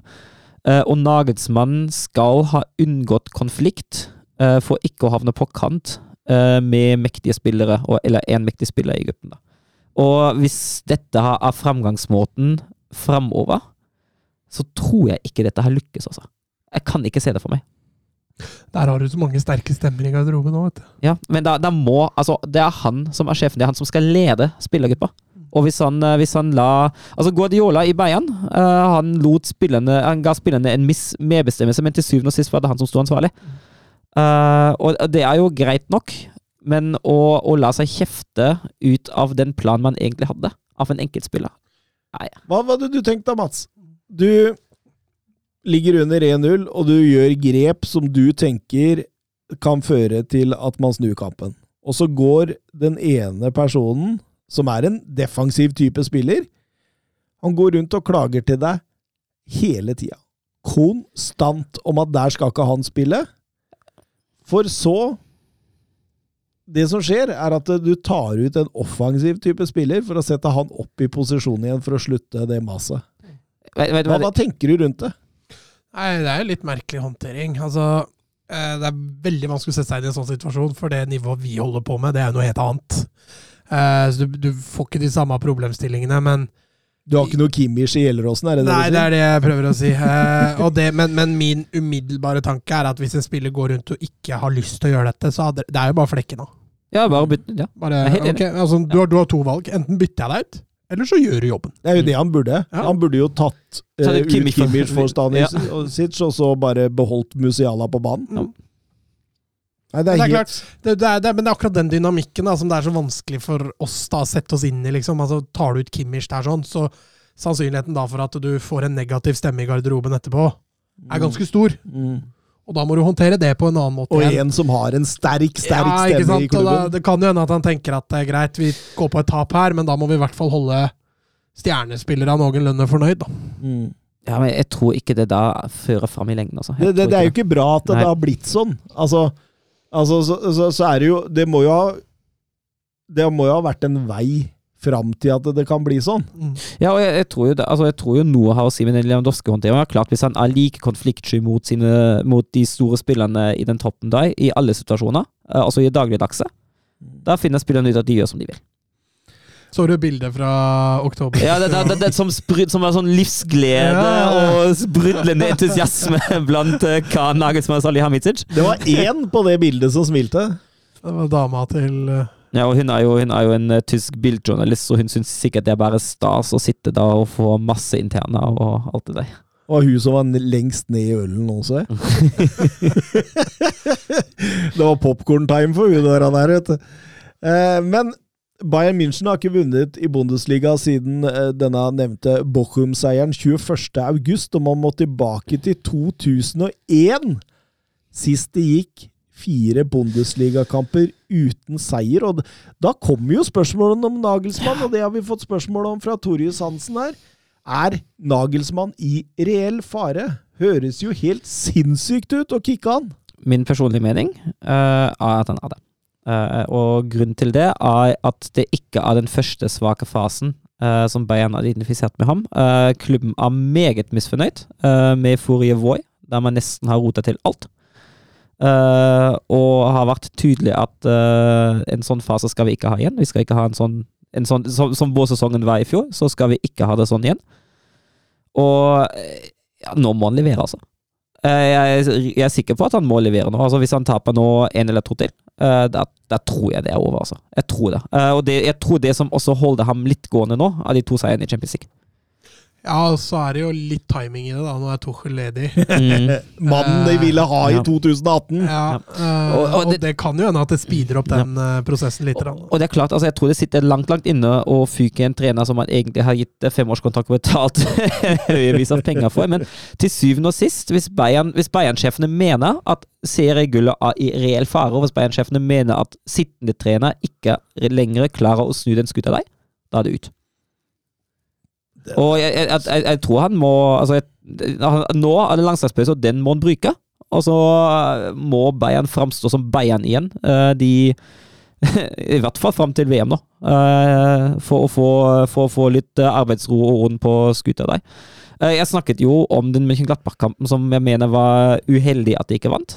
De andre tre, eh, Union, Stuttgart og, og Augsburg, da fikk de cirka som betalt. To poeng ut av de tre kampene er cirka det de fortjener. der. Mm. Pluss minus. Kan kanskje, kan kanskje ha vært tre, kan kanskje ha vært uh, fire, ja, eller fire, men uh, cirka er det det de fortjener. det. Vi jo sender jordskjelv gjennom Europa hvis eh, Julian Nagelsmann på en femårskontrakt får sparken nå. Ja, men, altså, men samtidig, da, det er en Julian Nagelsmann som på en måte aldri har vært i denne situasjonen. Mm. Altså, på en måte Alt gikk liksom som man skulle tro det skulle gå i RB Leipzig, og i Hoffenheim så var han jo en stjerne. Ja, da redda han jo egentlig et lag som ikke kunne reddes. Ja, ikke sant? Og, og, og har skaffa seg et navn, og, og det, det, det, dette er jo på en måte første sånn Altså ordentlig, ordentlig toppjobben der det virkelig kreves resultater uansett, liksom. Altså, sier jeg ikke det at RB Leipzig er en uh, Nei, liten men- klubb hvor det ikke krever resultater, men det, det er ikke på Men samme ha- havner du på fjerdeplass i Leipzig, er ikke det noe krise, selv om du egentlig har andreplass som mål. Ikke det er helt sant? greit, men havner du så på andreplass i Bayern og har førsteplass som mål, er det krise. Mm. Det er akkurat det. Og, jeg, altså hadde, og hadde det vært den første svake fasen, tror jeg ikke det hadde vært så ille. Men jeg, jeg, altså jeg, som sagt, jeg tror han må levere. Jeg kan ta feil. Eh, Jeg har ikke hørt noe fra i hvert fall tyske medier om noen rykter. Eh, om at uh, det begynner å haste. Kommentarene kommer jo, og folk skriver jo om krise. Uh, Forståelig nok, det er jo krise. Men jeg Altså, Bayern har før vist at uh, titler som ble samlet inn sesongen før, både da Ancelotti og da Kovac fikk fyken, det har ingen verdens ting å si. Og som sagt, jeg kan ikke se for meg at de beholder Nagelsmann hvis han ikke klarer å snu en skuta. Så snart de får inntrykket av at nå er det for langt unna, nå er utvikling fullstendig feil vei, Får jeg ikke skifte på det, da tror jeg det er ferdig også. Det er som du sier, Mats. Det er jeg, jeg kan jo tenke meg at Tuchel er en ganske perfekt trener for dette type lag. Og, og, og det tror jeg de skjønner sjøl. I 18 måneder, Ane. Ja, ja han, er, han, er, han, han begynner å få det der uh, slite ut omgivelsene, ja. ryktet si, som, eh, som eh, flere trenere har egentlig fått. da. Ja, og så er det også noe mer med Bayern, da. Altså, de, de har, av vidt forskjellige årsaker, men de har i det siste ikke lenger klart å holde på trenerne sine særlig lenger. Da. Nei, nei, nei, det er sant, det. Men det er både frivillig og ufrivillig. Ja, ja, det er, det er for å si forskjellige årsaker, men uh, ja. Altså, Vi får jo se. Det kan fortsatt hende at Nagelsmann snur den skuta og sitter da i uh, to, tre, fire år til. altså. Ja, ja. Jeg utelukker ikke det, på ingen måte. For all del. Og, det, Men nå er det, det det, er- det, og jeg føler at det, det er så enkle mekanismer som må forandres før dette blir veldig bra igjen. da. Ja, men det, altså, det, det, det trenger ikke å bli veldig bra med en gang. Det trenger å bli bra nok. Eh, neste kamp er jo tøff enn for Bayern nå. Da kommer Leverkosen på besøk på Allianz Arena. Eh, og den, eh, den, den er litt veivisende, tror jeg. De har hatt litt problemer med leverkosen før. Altså. Mm. Leverkosen har slitt i år, dem òg, da. Så. Ceoana, han, eh, Mm. han har det tungt. Eh, Vi går over til eh, det Revier Derby, et av Europas hotteste derby, leste jeg. Og Kult å få det tilbake i Bundesliga. Fryktelig kult. det 99. i rekken, så neste Mm. år, hvis Schalke holder seg, den blir, den blir stor. Grusom den Royce skal Ja, Det fryktelig. er, det, det, Heldigvis snakkes det bare om tre-fire uker. Tenk hvor Marco Reus kunne ha vært som fotballspiller. Hvis det ikke har vært for de stadieskadene. Altså, han, er, han har jo ikke hatt en dårlig karriere, og han er jo en veldig veldig god fotballspiller, men tenk hvor han kunne vært. det er litt sånn Mario Guts-feeling på han òg. Mm. Guts òg ble jo hindra veldig mye av skader en periode. Ja, og sykdom og Ja. ja. Mm. Absolutt. Men, eh, men det er jo bare eh, det Dortmund, Dortmund, Dortmund. Ja, det er jo altså, altså Schalke kommer jo til uh, Signal i Dona Park med ett mål, og det er hei, skal vi holde null. Det er det Schalke vil. Schalke legger seg jo dypt eh, og har egentlig ingen intensjoner. Hva var XG-en på, det, på Schalke? 0,1. Ja. Schalke har ingen intensjoner eh, om å gjøre offensivt med nødvendig. Hvis det kommer seg en kontring, tenker jeg at Schalke eh, sier ja takk eh, på matchplan, men det, det er det målet, nei. Går inn og holder nullen. Og første halvtimen uh, syns jeg det ser, det ser brukbart ut til Schalke, i hvert fall defensivt. Uh, Dortmund eh, eh, Dortmund mangler litt en eh, presisjon i siste tredjedel. Dortmund mangler litt å, å bruke de riktige rommene i og rundt boksen. Eh, Men så har du den eh, gedigne sjansen til Bellingham etter en halvtime. Få en redning av Schwolo. Og etter det syns jeg det løsner litt. Etter det begynner Dortmund å, å skape sjanser, og særlig i andre omgang det jo en del muligheter. Jeg synes Schalke, altså Schalke er jo veldig obs på å stenge sentrum eh, foran boksen, uh, og Dortmund må komme seg rundt på kant. Det jeg syns Schalke er skuffende svak på, er å forsvare boksen mot de høye innleggene Dortmund slår. Men, men, men, men eh, det som slo meg først og fremst i denne kampen her, da, det er jo et godt forberedt Schalke-lag, som jeg er helt enig med deg, skal holde nullen så langt det lar seg gjøre, og så skal vi jobbe beinhardt på hver ball, hver duell, hver press. Vi skal til og med jukse litt og gjøre litt tjuvtriks for å Mm. prøve å få dette inn hos oss. Og så ser man etter hvert utover i kampen, når Terzic gjør de når han får inn på eh, Adiemi, Mokoko og sånt, da er Schalke slitne. Ja, ja da. Og da, det er jo akkurat det de spillerne trenger. Mm. Absolutt, så Mokoko han setter jo 1-0 Ja, der. jeg syns jo han er frisk før òg. Han, eh, han står jo bak, eh, bak litt sjanser og, skal, og skyter litt sjøl og ser bra ut i dag. Litt, litt annerledes enn Modest. Jeg syns Modest blir altfor stillestående i den kampen der. Ja, Eh, men- Modest, Modest har jo egentlig vært fryktelig. Ja, jeg er helt enig. Han har ikke vært god. Uh, men uh, Mokoko, han eh, Han eh, prøver å skape litt ubalanse og lykkes til tider med det. Og så er, jo, er det jo et eh, godt, slått, godt slått innlegg av uh, Wolf. Og så det jo spørs om, uh, om Josefa Mokoko uh, bør få lov å hede den uh, som han gjør. Eh, fryktelig, fryktelig gøy eh, for ham å være matchvinner i den kampen der. Mm. Ja, ja, helt klart. Helt klart. Og men eh, Dortmund vinner sin fjerde strake mot Schalke. Tall man, ikke, eh, tall man må tilbake på 60-tallet for å finne maken til. Eh, dette er eh, Men, de, men denne nierposisjonen jeg, jeg føler den kan koste dem litt, altså. Fordi altså, Jeg tenker jo sånn at Haller er jo dessverre syk, dessverre for han. Eh, Modest har jo ikke fungert i det hele tatt. Malen er malen. Altså, han er også best bredt i banen. Adiemi noe uferdig, men har sine ting. Og, og Mokoko han har vel bevist enda han er ikke klar for sånn regelmessig nummer ni-spill i, i Dortmund. Eh, Og Royce er jo heller ingen Nei. Så det, det Nei, her, her kan koste dem noe. For det, kan dette være sesongen de kanskje kunne ha vunnet, da? Ja, det Fordi kan- ja. Nagelsmann sliter i Men, men eh, altså den coachinga også mot City, når han velger å ta ut Modest der for å sikre defensivt når de leder 1-0, ikke det er en kjempefeil? Ja, men det, det er det nye Dortmund, som vi var inne på. At eh, jeg, jeg tror med Sebastian Kehl og alt dette her, at det har kommet en sånn vi har jo vært inne på det tidligere, at det, det, du ser den mer kyniske Dortmund. Og det gjør du jo også i denne kampen her. Ja, de- Etter er- 1-0! For der legger så de seg ja, stenger ja, De ja. stenger! Og det, det var ikke Dortmund sist sesong! Nei, de hadde, Dortmund siste sesong hadde bare kjørt på. Men, men, jo, men det jeg mener, da, er jo det at eh, Ta ut Modest her for å få inn på en defensiv spiller. Ja, jeg er enig i at tankegangen her er kynisk, men du mister jo oppspillspunktet Ja, ditt. de. Du mister muligheten til å flytte laget ditt.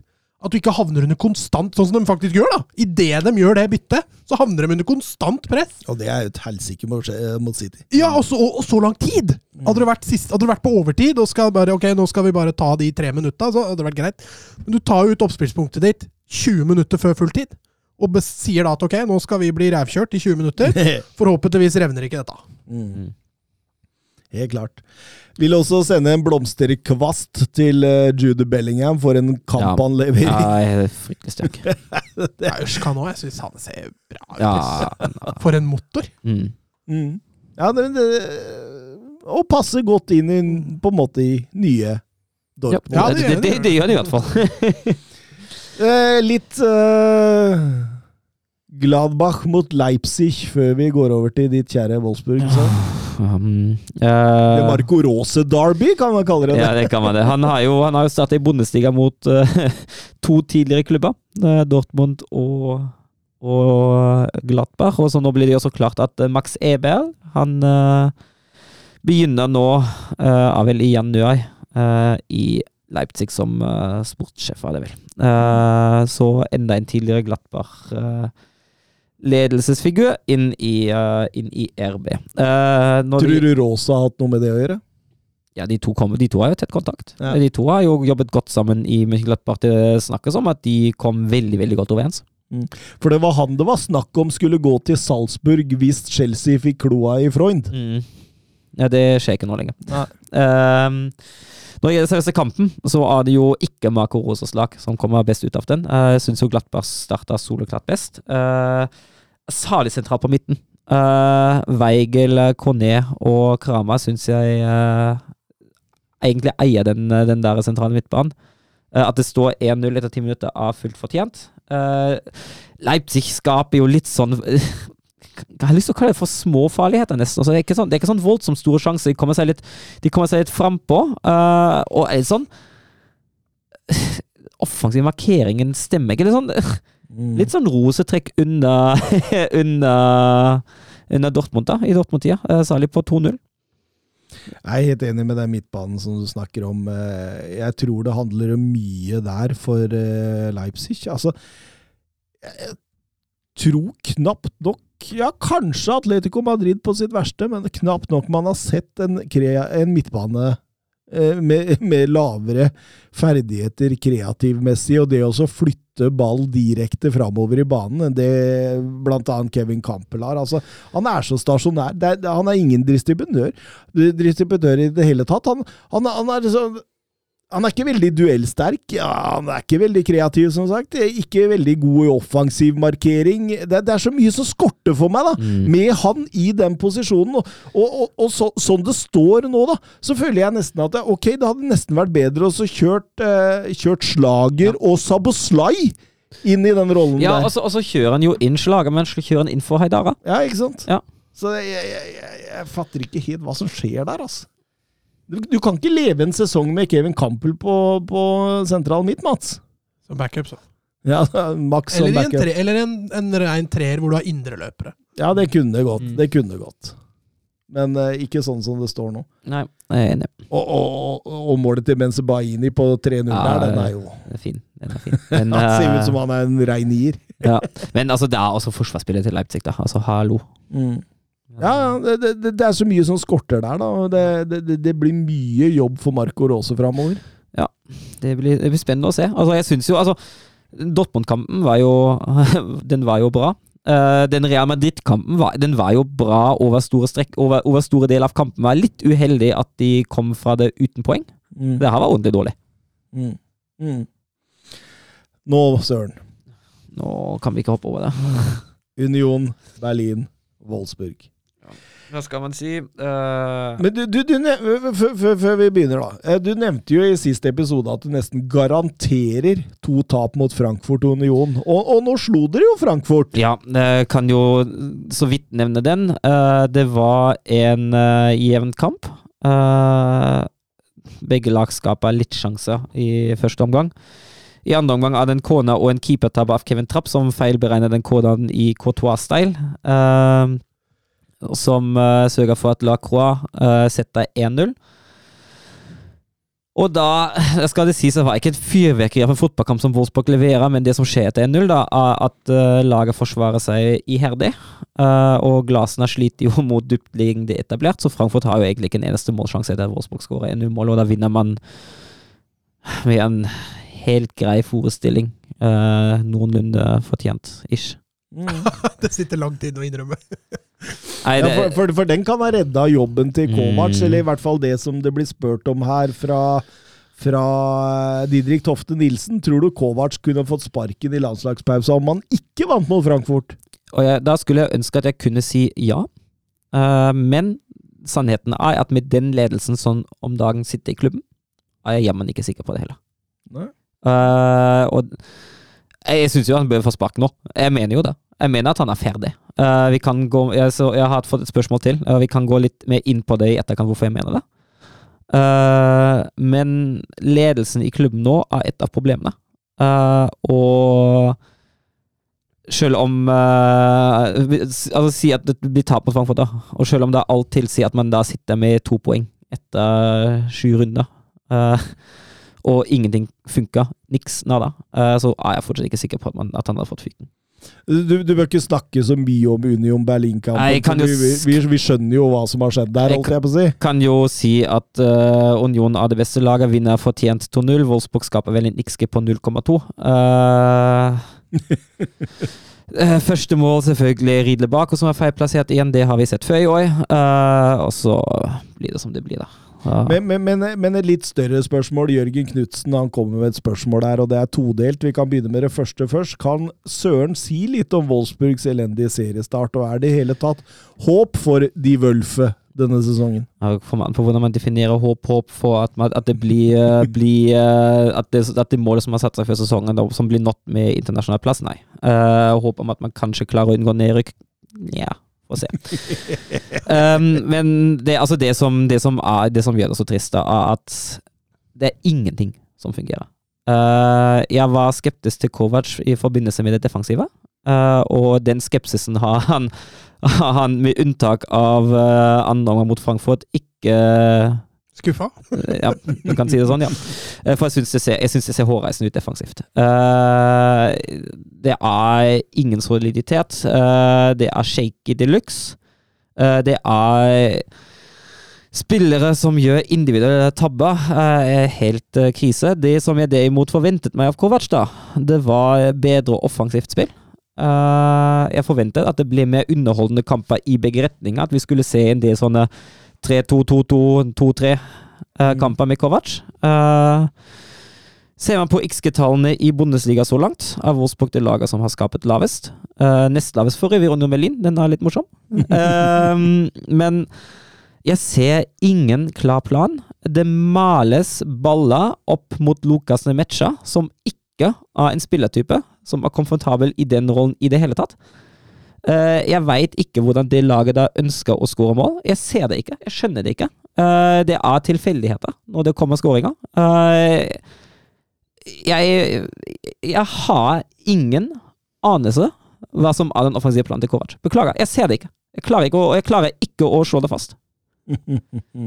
Og det er et voldsomt problem. Og det er klart når du er dårlig offensivt og dårlig defensivt, når enkeltspillere underpresterer på den måten som de gjør eh, Når man har brukt de første seks serierundene til å eksperimentere voldsomt med startelven sin, uh, og egentlig først funnet en klar førsteelver nå i runde sju Uh, han har kasta ut nå Max Krose for godt etter Frankfurt-kampen, etter at Krose starta de to foregående, uh, som nå sørger for at Siden han bestemte seg for at Krose ikke hjelper ham noe mer, og aldri kommer til å spille igjen for Wolfsburg under Kovac. Det fant en ut i kampen etter at overgangsvinduet stengte. Så nå sitter man med en misfornøyd Krose, uh, med gedigen lønnsslipp hver måned i troppen, som man ikke blir kvitt. Og det, det er så mye som går feil i den klubben at det er det er ikke måte på. Uh, når det gjelder ledelsen, da. Uh, Schmatka er jo heldigvis nå ferdig til januar. Uh, nå viser det seg at hans uh, ja, lærling, uh, Marcel Schäfer, klubblegende, gullvinner fra 2009, uh, går opp uh, i uh, sportssjefposisjon. Uh, jeg mener at det er en tabbe.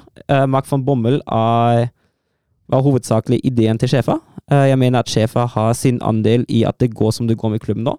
Jeg mener at det må gjøres en clean cut i ledelsen. Eh, heldigvis man nå, henter man nå inn et eh, Som det ser ut, eh, skal det være ganske nær signering nå. eh, Sebastian Schinzi-Lortz, eh, tidligere Bochum. Han, har, han er ferdig i Bochum nå, men har kontrakt ut året med klubben, så han starter igjen i januar. Da i den rollen som sjef han nå hadde under Schmatke som juniorpartner i den duoen der. Ah, positivt å få inn litt fra utsida, men jeg hadde gjerne sett at Shinzi Lords blir ny sjef, og sjefer fortsetter i den uh, ja, juniorpartnerrollen, da. Ja. Eh, så kort sagt, eh, nå, nå er det de to, kampene, de to neste kampene etter langslagspausen, og det er Stuttgart og Augsburg. Eh, da må man strengt tatt ta seks poeng. Jeg ser ikke at det skjer. Og jeg ser heller ikke at Kovac sitter til jul. Jeg håper at jeg tar feil. Jeg, jeg vet ikke. Hvor mange ganger har jeg sagt jeg håper jeg tar feil om Wolfsburg nå det siste året? Nei, det Har ikke jeg telt. Nei, men jeg, jeg håper jeg tar altså, jeg, Flere ganger enn du har sagt at du hater noen til oss. Nei, altså, altså er jo nesten nå etter den kampen mot Union Nå går han løs på egne spillere i media. Nå sa han, Hva sa han nå? At øh, han ser ikke at laget kjemper. Uh, dette har, er helt uakseptabelt, og hvis ikke det har endra seg, spiller snart han og broren sjøl. Og det er, det er ganske sterke ting å si til, til troppen sin, så jeg, Men er ikke det litt rett òg? De ligger nest sist. de ligger nest sist, og det, det, er jo, det, er jo, altså, det er jo helt Det er ikke bare Kovac sin skyld. nei, nei, nei, selvfølgelig ikke. Men altså, det å gå ut og slakte laget på den måten i mediene Nei, det kan Ja, ikke men han, har- han har jo åpenbart slakta laget i garderoben òg. Ja, ja, ja, selvfølgelig. Det, han, han, må jo, ha han, må jo, han må jo ha ty Ja. til andre virkemidler hvis han skal Ja. få en reaksjon, da. Jo, men uh, ja, nei, altså, jeg, Som sagt, jeg, jeg ser ingen plan. Jeg ser Det, det, det er mørkt. Søren hater Kovac. Jørgen Knutsen, putta noe- penger på grisen der. Han, han hadde mye å melde, men det andre spørsmålet Spiller dere fortsatt Rama Lama Ding Dong, og i så fall eh, Når, når do, do Wolfsburg scorer, og i så fall Hvor fornøyd er du med den på skala fra 1 til 10? Jeg skal spille den. øh.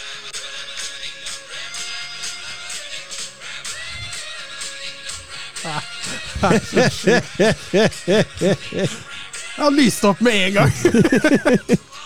Han hadde bare gode erfaringer. Ja, han hadde bare gode minner med den sangen der. Stemmer. Ja, den eh, spiller vi fortsatt, og den er ti av ti. den, er- den er herlig. Jeg, jeg digger den. Den brukes også i en del eh, andre klubber, ikke på, på de øvre nivåene eh, i Tyskland, som uh, skåringsmusikk. Og i tysk supporter, eller i tysk fotballkultur er det jo veldig veldig vanlig med skåringsmusikk. Den eneste klubben i Bundesliga eller på proffnivå i Tyskland så vidt meg bekjent, som ikke har skåringsmusikk, er Union Berlin. Uh, og det er, en, det er en fast del uh, av uh, fotballkulturen og stjerneopplevelsen i Tyskland. de, de har en voldsom hymne. Union Berlin, ja, ja, ja. Den er, den er, den er sterk, altså. Den er helt enorm. Du kan melde at Gjelleråsen har samme skåringsmelodi som Dortmund. Ja, de har det. Det var nøyaktig samme, Ja. faktisk! Med, med BVB og alt. Ja. Eh, Christian Holte på Twitter. Union leder eh, Bundesliga nå. Hvor lenge varer dette? Nei, altså, det er jo et lag som er fryktelig vanskelig å slå. Eh, det er jo et lag som uh, Som slipper inn meget, meget lite. Uh, svakheten til Union er jo gjerne når når de møter dyptliggende lag og må skape ting sjøl, som XG-tallene også viser, det er jo det er der problemene ligger. Men med tanke på at de er så vanskelig å slå altså, Jeg tror ikke de ligger der til jul, da. Nei. Men det kan være noen kamper til. Nei, jeg, jeg, altså, vi har sikkert hylla dem mange ganger, men fy flate for en, for en jobb som gjøres der. Ja, Altså. det er helt sykt. Det er enormt. Det er, det er, det er så sterkt, altså. At, det, at dem greier å kjempe om europaplass hvert Ja, år med- siden opprykk. Med det budsjettet de har, altså. Men, ja, men også de forutsetningene ja. med budsjett og med alt, det er, eh, det er helt vanvittig. Ja. altså. Det er en uh, understatement. Ja, og, og den, altså, siden opprykket Altså, utviklingen til Union har bare gått én vei. Ja. Og det har, det har ikke stoppa. Det er eh, Det må være gøy å være Union Berlin-supporter når de også gjør det på sin måte. Mm. Liksom. Altså, det er ikke, de går ikke på akkord med seg sjøl, og de, er, de prøver ikke å finne opp kruttet på nytt. Det er liksom gung-how på den måten de driver. Men, men Bundesliga-tabellen ser jo helt merkelig ut. Altså, Union Berlin nummer én, Freiburg nummer tre, før Bayern ligger på femteplass. Og så må vi ned til tolvte for å finne Leipzig, og femtende for å finne Leverkosen, og syttende på eh, Wolfsburg. Det, det, det, det, er, det er jo bakvendtland. Ja, det er flere klubber her som både overpresterer og underpresterer. eh, Det er ingen tvil om. Altså, Leverkosen de føler jo at de kan komme når som Ja, helst. og de, de har altså Det har vært enkeltkamper altså Bunnivået har vært virkelig skremmende dårlig, men de har satt en del utue. Det skal sies òg. Og, og øh, Leipzig også. Der også kan det komme en forløsning, og så er de i gang. Og så, så blir spennende å se Freiburg også kan nevne egentlig de samme åndedrag som, som Union Berlin. Eh, at, at noen av de vinner, det er vel ganske fortsatt utopi, men eh, at de er med og kjemper om Europa til siste slutt, det tror jeg de er. Serie A. era il marcatore di Cannavaro. Palla tagliata, messa fuori, c'è Pirlo, Pirlo, Pirlo, ancora Pirlo di tacco, tiro, Grosso,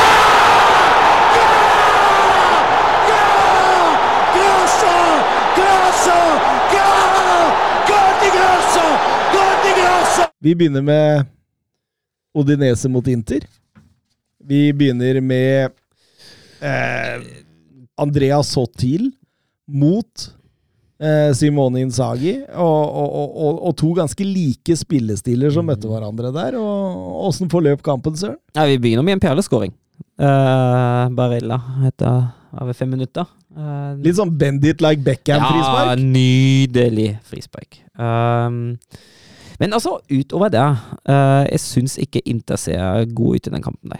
Eh, de gjør ikke det. Uh, Skrinja produserer jo 1-1 på, på sjølmål, altså så er det den, det voldelige skuddet til Bastoni som de har, men jeg syns jo Altså, det, det er noe med den formkurven til Inter som skurrer om dagen, altså. Det syns Inzaghi òg, for han tar ut både Mkhitaryan og Bastoni etter 30 minutter, Mats. Det er eh, ganske kraftig virkemiddel for å prøve å vise et tydelig tegn på at dette her er ikke bra nok. Mm.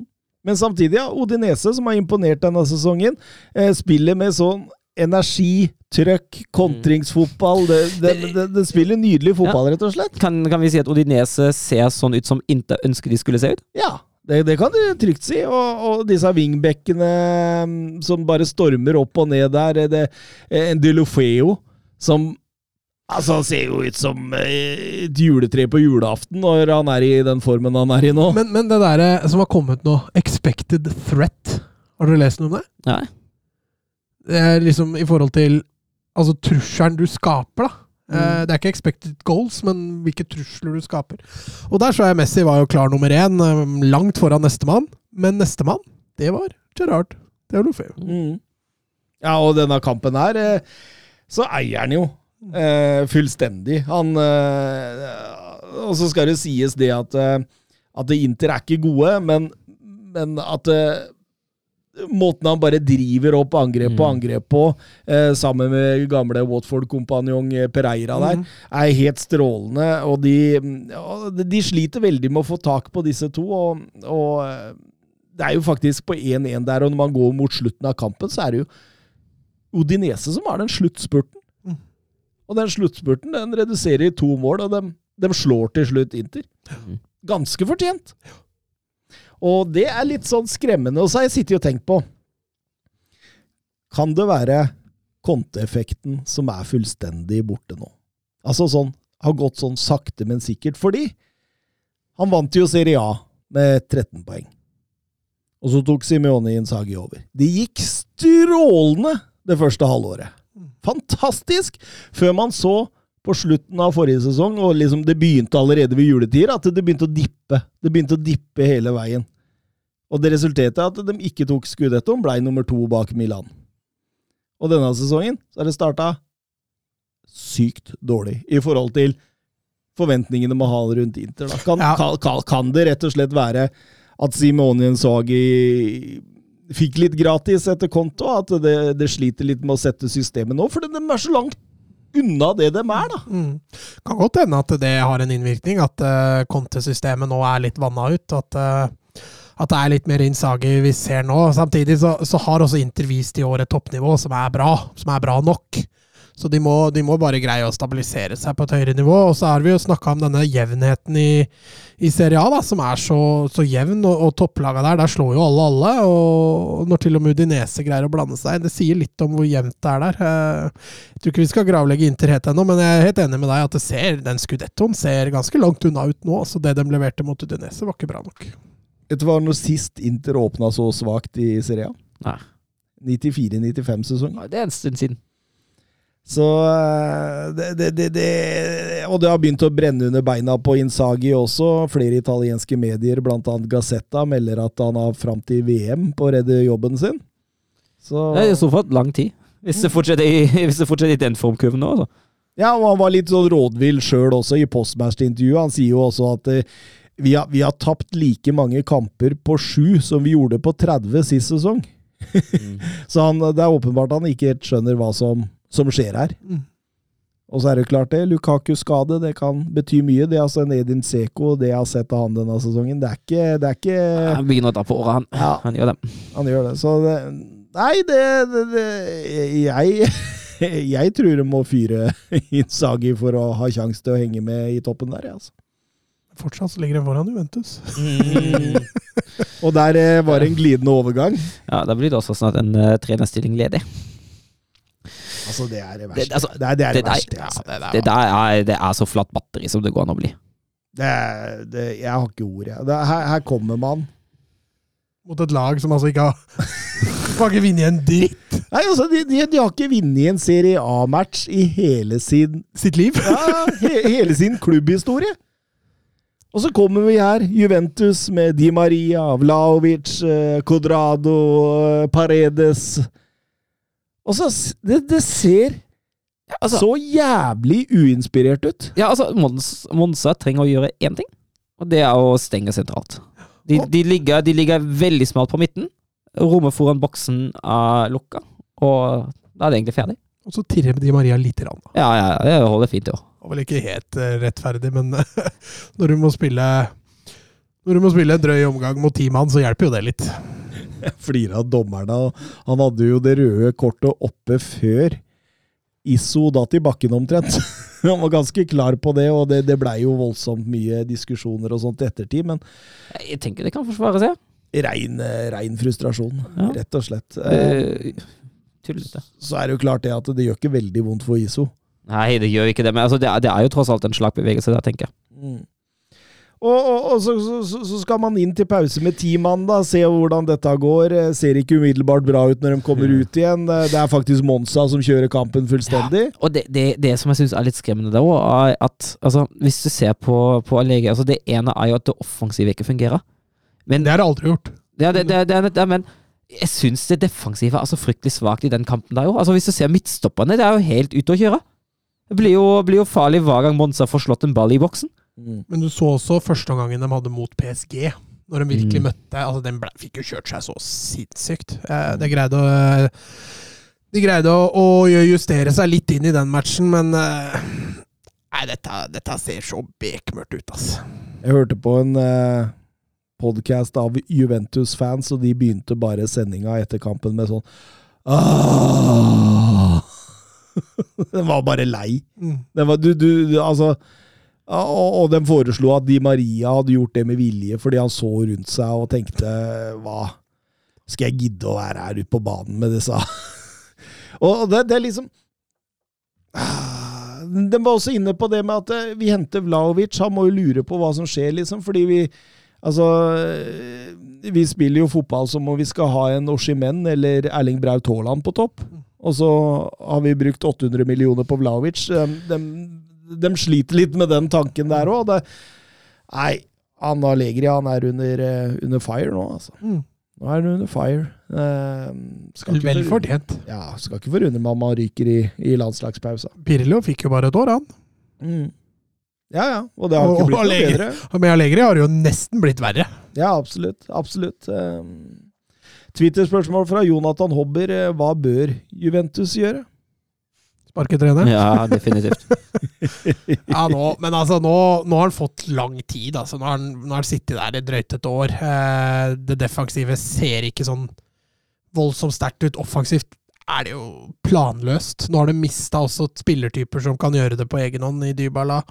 Di Maria har, har jo for så vidt vært ok de kampene han har spilt, men hvis han bare skal spille en tredjedel av kampene, så blir jo det for tynt. Vlaovic veit vi trenger mye understøtte hvis han skal være god, og det, det får han ikke i Juventus. så da da spiller de ikke på hans sine styrker heller, og, og dette med en kreativ midtbanespiller, det har vi jo etterlyst eh, nesten et år uten at det har kommet inn nå, så Nei, det ser ikke bra ut. Og eh, her tror jeg man trenger å få inn en trener som spiller litt mer energifotball. da. Eh, Litt mer høyt press, litt ja, mer en, en, Men det var jo det som var tanken når man henta Sarri, når man henta Pirlo.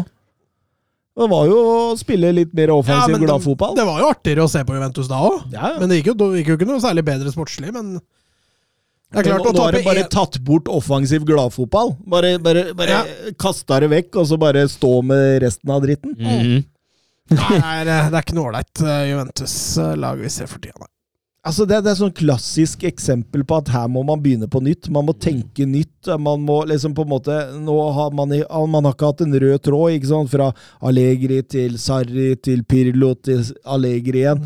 Man har ikke helt liksom bestemt seg for det. Og det virker jo som det, det er et lag som eh, viser at de er litt desperate på resultater, og at klubbsammensetninger er en klar plan på hvordan å drive klubben på. da, At den ikke ja, At den er underprioritet. Mm. At, eh, altså, og det samme gjelder for så vidt spillere som man henter òg. At Di Maria, Kostic, Milik, ja til og med Pogba, selv om vi tror at han gjør det bra at the end, så, så, så, så er det liksom Altså, man må starte på nytt og ta en skikkelig gjennomgang. Finne en klar klubbfilosofi og kanskje justere ambisjonsnivået noe et par-tre sesonger, da.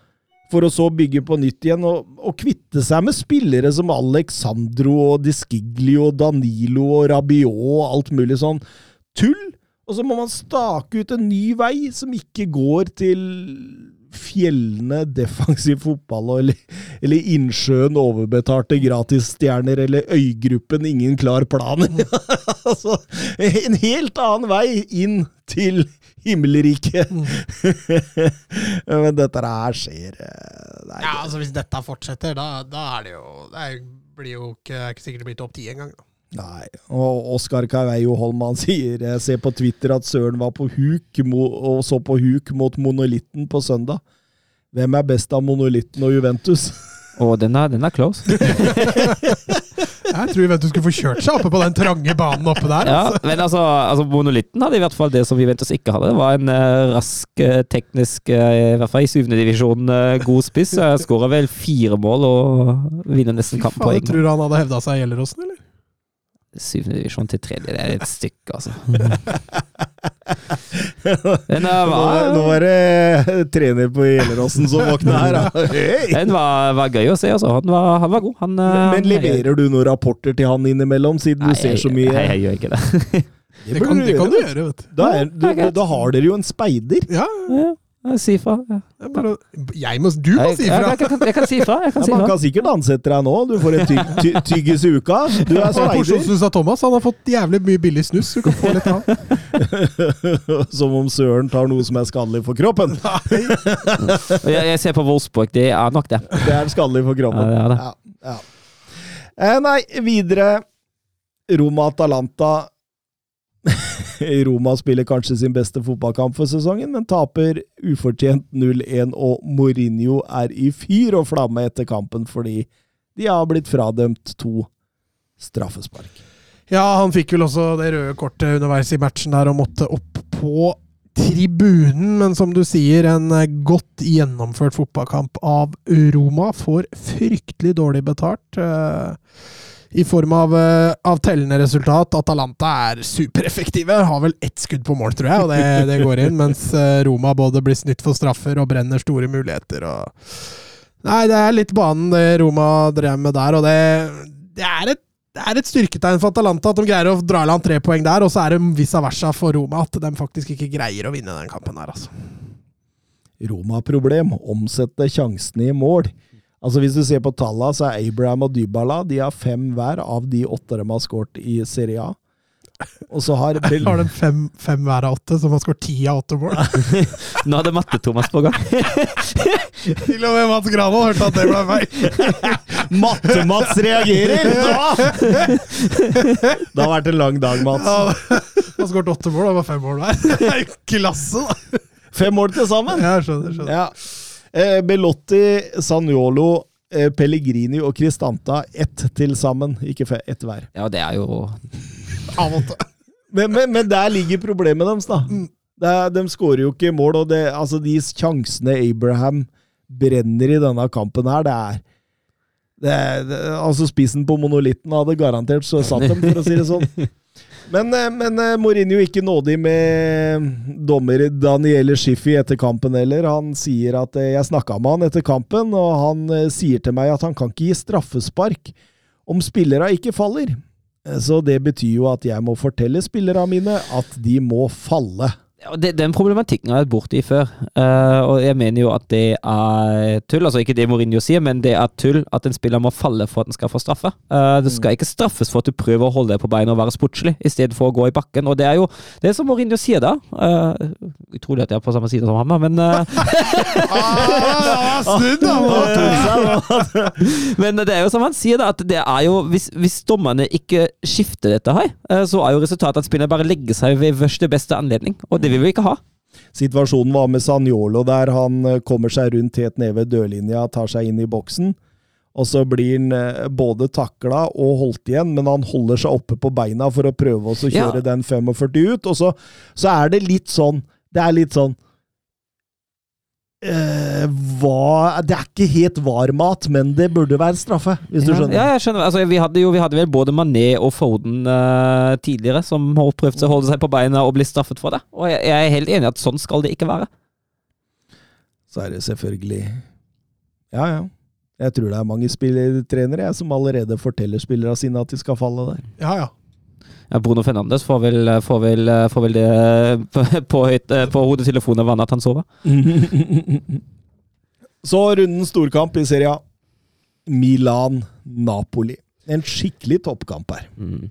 Og, og, og, og du satt igjen etter kampen og så tenkte Ja, vi så kampen mellom de to beste lagene i serien. Mm. Med en eh, litt uh, ufortjent uh, utfall. Ja, i hvert fall i forhold til første omgang. Jeg Ja. synes I første omgang så er Milan veldig flinke til å variere spillet. De angriper både bredt og raskt gjennom sentrale linjer, og de, de vender spillet veldig fort og er, ganske uforutsigbare. Litt hemma av at, eh, at Leao er ute, men Kronic gjør en strålende jobb egentlig som, som erstatteren hans. altså. Og Merea, altså den redningen han har mot Giro, den, er, den er høy, høy klasse, altså. Ja, absolutt, men, men jeg syns jo at eh, Spalletti eh, tar grep i, i pausa og, og kommer ut eh, altså med Napoli som et litt annet lag, da. Ja, jeg er enig i det. Eh, og så blir man jo godt hjulpet av Dest. Eh, Endelig kvitt han, Mats. Ja, Spørs om det holder nå. Han var på banen fem minutter han, før han mm. var med på å avgjøre det, den, Ja. kampen der. det, det, det, altså, det er, det er Serge Aurier-nivået, den taklingen der, altså. Ja, den er, eh, den er veldig klønete. Og, og Politano setter 1-0, og så får de jo 1-1 med Giro der. En Giro som burde kanskje hatt hat trick i første Ja, omgang. han bør kanskje det. Men uh, fint spill, i hvert fall. Fint angrep, fint angrep og uh, fin 45 tilbake av Theo Nandes. Mm. Giro som også forsøkte seg på et nytt skorpionspark. Husker du det målet han hadde Arsenal. for Arsenal Mm. mot uh, Southampton? Uh, traff ikke ballen eh, skikkelig denne gangen. Men, eh, men eh, Napoli viser at de har bredde i stallen. De tar ut Raspadori, de setter inn Giovanni Simione, og han, eh, Han avgjør det. han Etter avgjør et det. eh, fint innlegg av Rui, så stang han den inn. Og der ser du ikke sant, verdien av det å kunne ha spillere som kommer inn og gir noe helt annet. Ikke som nå var det en Raspadori som bare gikk på løp inn bak hele veien, og så plutselig så får du en som er mye bedre til å kombinere og holde på ballen litt oppi der. Og da, og da, da tar eh, Napoli eh, med seg alle tre Ja, poengene. skal, kan, vi kan jo nevne den til Kalolo, for han, eh, han må skåre. Eh, Men, men, men, men, det var mange som måtte score i Ja. denne kampen. Det, det, det kunne endt 7-4 til Milan. ja, det kunne Sånn egentlig. Men, men Fantastisk kamp, forresten. Rett og slett en underholdningsmaskin av en fotballkamp. Mm. Fredrik Konradsen, kan Napoli stikke av gårde med skudettoen? Og hvorfor hoppet ingen andre på Kim og Kvadriaskela? Napoli kan vinne skudettoen, og det fordi det er så jevnt. I, og, og som vi var inne på, alle slår alle. Uh, så det er jeg tror, Vi har vel nevnt at det er seks medalje- eller tittelutfordrere i Serie A. Ja, jeg, jeg, jeg, jeg tror jeg sier fem nå, jeg. Juventus og Inter er borte. Ja, og Napoli er i hvert fall en av de fem, da, eh, som er en tittelutfordrer. Eh, hvis jeg skulle gitt et eh, tips nå, så tror jeg fortsatt ikke jeg hadde sagt Napoli, men de er ikke veldig langt unna. Mm. Med rett baki der, som Søren er inne på, og inne i landslaget nå òg. Vært strålende. Eh, Kim og Ramani. Ekstremt solide. Bekkene bra. Eh, godt organisert der. Spalletti. Bra struktur i laget. En midtbane som alltid jobber Altså, de er så ærlige. De jobber for hverandre. Og så har man både Angissar og Silenskir, hvis du skjønner hva jeg mener. Du har eh, alle typer der. Og så har du massevis av X-faktor framme. Altså Kvadriaskela, som vi har nevnt ofte, Raspadori, Simione, Oshimen, Politano og Hirving Lozano. Det er jo et arsenal av spillere fremover der som eh, kan levere godt. I forhold til Kvarjaskela og Kim, så er det jo vanskelig for oss å si hvorfor ingen andre har plukka dem opp. Ja, og, vi veit jo ikke om det var strengt tatt konkurranse heller. Det kan jo hende at andre klubber var interessert at Ja, det var virkelig konkurranse rundt Kim, for han Mm. var jo klar for renn omtrent. Han skulle jo bare skrive under på papirene før, før Napoli Napoli, rappa rappa han. Eh, Kvadriaskela var det også en del rykter om, både til Premier League og, og, og Bundesliga Mm. og sånt, men eh, Men det er også litt lettere, da, fordi storklubbene sikler jo gjerne ikke rundt sånne typer spillere. Som er uprøvd. mm. Eh, sånn at det blir de nest beste klubbene som må krige, og da kan det jo like greit være det Napoli de går til, som, som en annen, annen klubb. Jeg kan nevne til slutt der at Lazio slo Cremonese 4-0 på bortebane. En grei seier der. To måla i Mobile. Eh, og litt sykt, det er første gang siden 13.2.1955 at både Inter, Juventus, Roma og Milan taper i Serie A på samme dag. Men det, det viser jo også at jeg har, vært, jeg har blitt jevnere. Det har det. Mm. Napoli og Atalanta på de to første Modinese på tre. Mm. Så må vi helt ned på åttendeplass for å finne Juve Vi eh, går over til uh, ligue. Sur la frappe de Messi de, De de Mercado, Mercado, et, et là aussi on a un petit peu de réussite. Griezmann sur l'appui, c'était bien joué avec Giroud. Oh. Sylvain Oh, il l'a vu Oui. Kylian Mbappé Kylian Mbappé, il l'a vu Ça fait 4 Et ça fait peut-être un quart de finale pour l'équipe de France 68e minute Oh, la joie collective parce qu'ils ont tous jailli du banc pour aller saluer cette passe décisive géniale de Giroud et ce doublé pour Kylian Mbappé Storoppgjør i eh, Ligue Ø. Lyon mot eh, PSG, og, og da Peter Bosch fikk spørsmål før kampen om hvordan han skulle stoppe Paris Saint-Germain, så sa han eh, tette markeringer, ikke gi bort ballen og krysse fingra. Men hva, hva, hva har han tenkt etter fem minutter, da? Det gikk jo ikke lang tid før ballen satt i mål, og det var jo Ja, det var Messi. Messi som dukka opp 45 der og, og fikk prikka han inn. Eh, altså, nå er, det, nå er det gøy å se på Messi igjen. Altså. Eh, nå, denne sesongen har han vært strålende. Så er det klart dette med liga- liga kontra de, de største ligaene, at eh, du skal kanskje holde igjen lite grann, for du møter ikke like bra motstand. Men, eh, men nå, nå er det litt den underholdninga, den kreative, i tillegg til at han også skårer litt mål igjen. Eh, nei, det er gøy å se Messi nå. Neymar har jo vært outstanding denne sesongen. Det ser ut som de to trives. Ja, nå, og så så jeg sånn kart over hvem som sentrer til hvem i de offensive der. På assistene, ja. Ja, Og Mbappe har null, Mm, mens Messi og Neymar serverer alle, da. mm. Så, men det er kanskje litt spillertyper òg. Mbappe stikker jo mye bakrom, så det er jo det er litt sånn også, men eh, det er veldig gøy å se Messi igjen. Ja, absolutt. eh, Men, men eh, Lyon beit godt fra seg. Ja, i hvert fall i første omgang, syns jeg. Jeg hadde en veldig sterk periode mellom eh, 20. og 30. Eh, da skapte de en del sjanser. Ja, absolutt. eh, Mye bedre når de våger å stå høyt. Og så, og så blei de egentlig eh, karnøfla når de eh, la seg lavt. Eh, åpenbart av den midtbanen til, til PSG har blitt mye flinkere til å styre spillet nå. Så, eh, så, så veldig, veldig bra det. Men, men eh, ja, utover i, om, i omgangen i andre omgang der så tømmer jo Lyon seg helt, og, og, og det blir det blir jo store sjanser begge veier. Eh, PSG-sjansene kanskje større enn Lyon, og, og, og sånn sett så er det helt fortjent at de, de stikker av med seieren i en kamp, og Mbappe var helt high, altså. Han var helt avslått. Men jeg syns også når det der dukka opp nå med Frankrike, at han nekter å være med på bilder ja, Jeg syns det begynner å bli så mye utenomsportslig piss rundt han. Altså. Ja, og det, det lover ikke godt, det da, altså. Nei. At du blir høy på deg sjøl når du tjener Ja! 13 milliarder i minuttet, så er det klart at du, du får litt høye tanker om deg sjøl. Men du ser også kroppsspråket han har på banen, ting Ja. som skjer utafor banen. Men det, handler, altså, det, det mentale er jo en vel så viktig del uh, av fotballen, da. Uh, og det ser jo ikke ut til å være på plass i det hele tatt. Vebjørn Fredheim spør jo tror dere at Real Madrid-interessen har kjølnet for eh, Mbappe, eller er det et spill for galleriet? Mbappe virker sær og høy på seg sjøl. Tror dere han får lov til å være Mbappe hos andre enn PSG?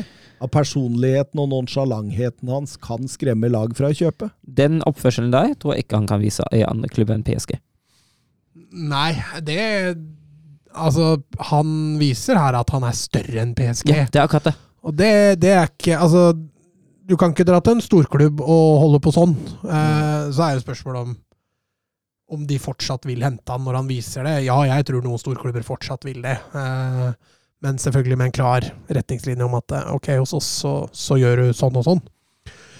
Så får vi jo se. Det ligger vel en klausul i kontrakten til Mbappé at han kan gå i 2024. Var det ikke noe sånt jeg syns jeg leste det, i hvert fall. Eh, så får vi se at Real Madrid fortsatt vil ha Mbappé i 2024. Det skal du ikke se bort ifra. Nei, for all del. og- Men du hadde ikke vi et veddemål om det? Jo, dere, dere, dere to hadde det. Eh, Men det var om han gikk eh, Til Real. Madrid? Ja, eller om han blei i PSG? Ja, eller om han blei i PSG. Ja. Ja. Men jeg sa han blei i PSG. Nei, det sa du ikke! Jo. Nei! Jo. Hei, Søren. Du, jeg husker ikke hvem som sa hva. Jeg husker bare at jeg hadde et mål. Du sa for Jeg vi, tror han driver og finner Nei, opp vi eh, hadde, fikk et Jeg, spørsmål. vet hva, jeg tror du har helt rett. Ja, det kan godt. Vi Jeg fikk et spørsmål om eh, om det er galskap å legge én milliard på bordet for en Bappe med ett år igjen av kontrakta, Mm, eller om man skal vente til kontrakta går ut. mm. Og du sa det var galskap, vi må vente til kontrakta går ut. Og jeg sa at det ikke var galskap, fordi du, han kan signere ny Ja, det kan godt hende du har rett. Det kan det. Så kjøp en øl til meg, du. Ikke- Ja, det skal du, du, skal du ikke få. gjør det. Du skal få en øl, faktisk. Ærlig fortjent, Mats! Ærlig fortjent! Den er det du som ender opp med å drikke allikevel. Eh, hvor var jeg nå? Jeg ble helt satt ut at jeg hadde tapt et veddemål. Det Nei, men vi- vi prata... for Egentlig så pleier jo jeg å ha rett. Egentlig, ja. Var vi ikke på Bappe var uspiselig? Og at han ikke kunne gå til noen andre klubber? Ja? Ja, vi var vel omtrent der eh, Nei, det, det, det, jeg, jeg, jeg tror kanskje Nei, det kan jo være spill for galleri. og det der. Men samtidig da, så har de jo en Venitius junior nå på, i den plassen Mbappe trives best i, som han ser jo ut som verdens beste fotballspiller for tida. Så det, det, det, det må sitte langt inne å bruke mye spent på Mbappe nå, tror jeg. Altså, hvis de ikke regner med han som en sånn rein nier. Men Ja, der men- har han ikke vist seg å være like god. Nei, Han må jo gjøre inn som en erstatter for Benzema, tenker jeg. Altså, Hente inn en spiller nå som skal utfordre Venezia som plassen. Er ikke Ja, det, å kaste penger ut av vinduet? jo, det er det, altså. Um, Monaco vant eh, 3-0 over eh, Reims. Um, storoppgjøret utover Lyon-PSG fikk vi jo i Marseille-Rennes. En kamp hvor Steve Mandana var tilbake på sin gamle hjemmebane etter Ja, han har spilt 630 kamper for eh, Marseille. Det er spesielt å være tilbake som spiller for en annen klubb, da. Ja, absolutt. Eh, kampen blei eh, Det ble uavgjort, og, og Guendosi skåret i begge ender. og så kan vi ta med det som skjer i NIS nå, Mats. At eh, Favre sitter utrygt, og at det franske medier hevder at Pochettino kan være på vei inn i nissen. og Hva, hva sier du om det? Nei, altså Pochettino trives veldig godt i varme strøk, har vi jo sett nå. Så at han kan ta seg en tur til NIS og kose seg der, det kan vel godt hende, men eh, Ja, nei, Favre har jo ikke fått den beste starten, så han har ikke greid å følge opp det, det Galtier starta. Nei, nå ser, det, nå ser det tungt ut, altså. Mm, det gjør det. Og, og, og det Altså, hva du tenker når Nabil Bentaleb banker ballen i krysset og senker deg òg, da. Det, og, og Buffal filmer på seg sitt eh, andre gule kort, og du får en utvisning der. Eh, du får en utvisning der som gjør at du blir ti mot ti igjen, fordi Toddy Baa han fikk utvisning etter ni sekunder! Ja, det er ti, det er et av tidenes raskeste røde kort. Ja, altså Opptak kunne vel ikke finne noe raskere. Uh, feller jo Sima som bakerste der, og det, det kan forsvares. Det er litt strengt, men, men uh, Nei, det, det ser ikke bra ut, og nå er Dante ute og forklarer at man kan ikke bare legge skylda på Favre. Eh, Dante i et intervju med, med, med en eh, fransk avis der er svært kritisk til klubbens håndtering av sommervindu, og melder videre at klubben må begynne se seg etter en sportsdirektør. og Det, det er jo som å helle bensin på bålet til eh, Det er det, og Favre er jo Altså, Favre og Dante har jo jobbet sammen før. Uh, og jeg tipper at det, er- at det er kanskje noen lojalitetsbånd som uh, går litt dypere der enn med andre spillere. mm, mm. Fikk ikke Barkley debuten sin, da? Eh, jo, det Ross gjorde Barkley ble bytta inn. Mm, stemmer det, stemmer det, når du sier det. Artig nok, det. Men de ligger på 13.-plass der, og det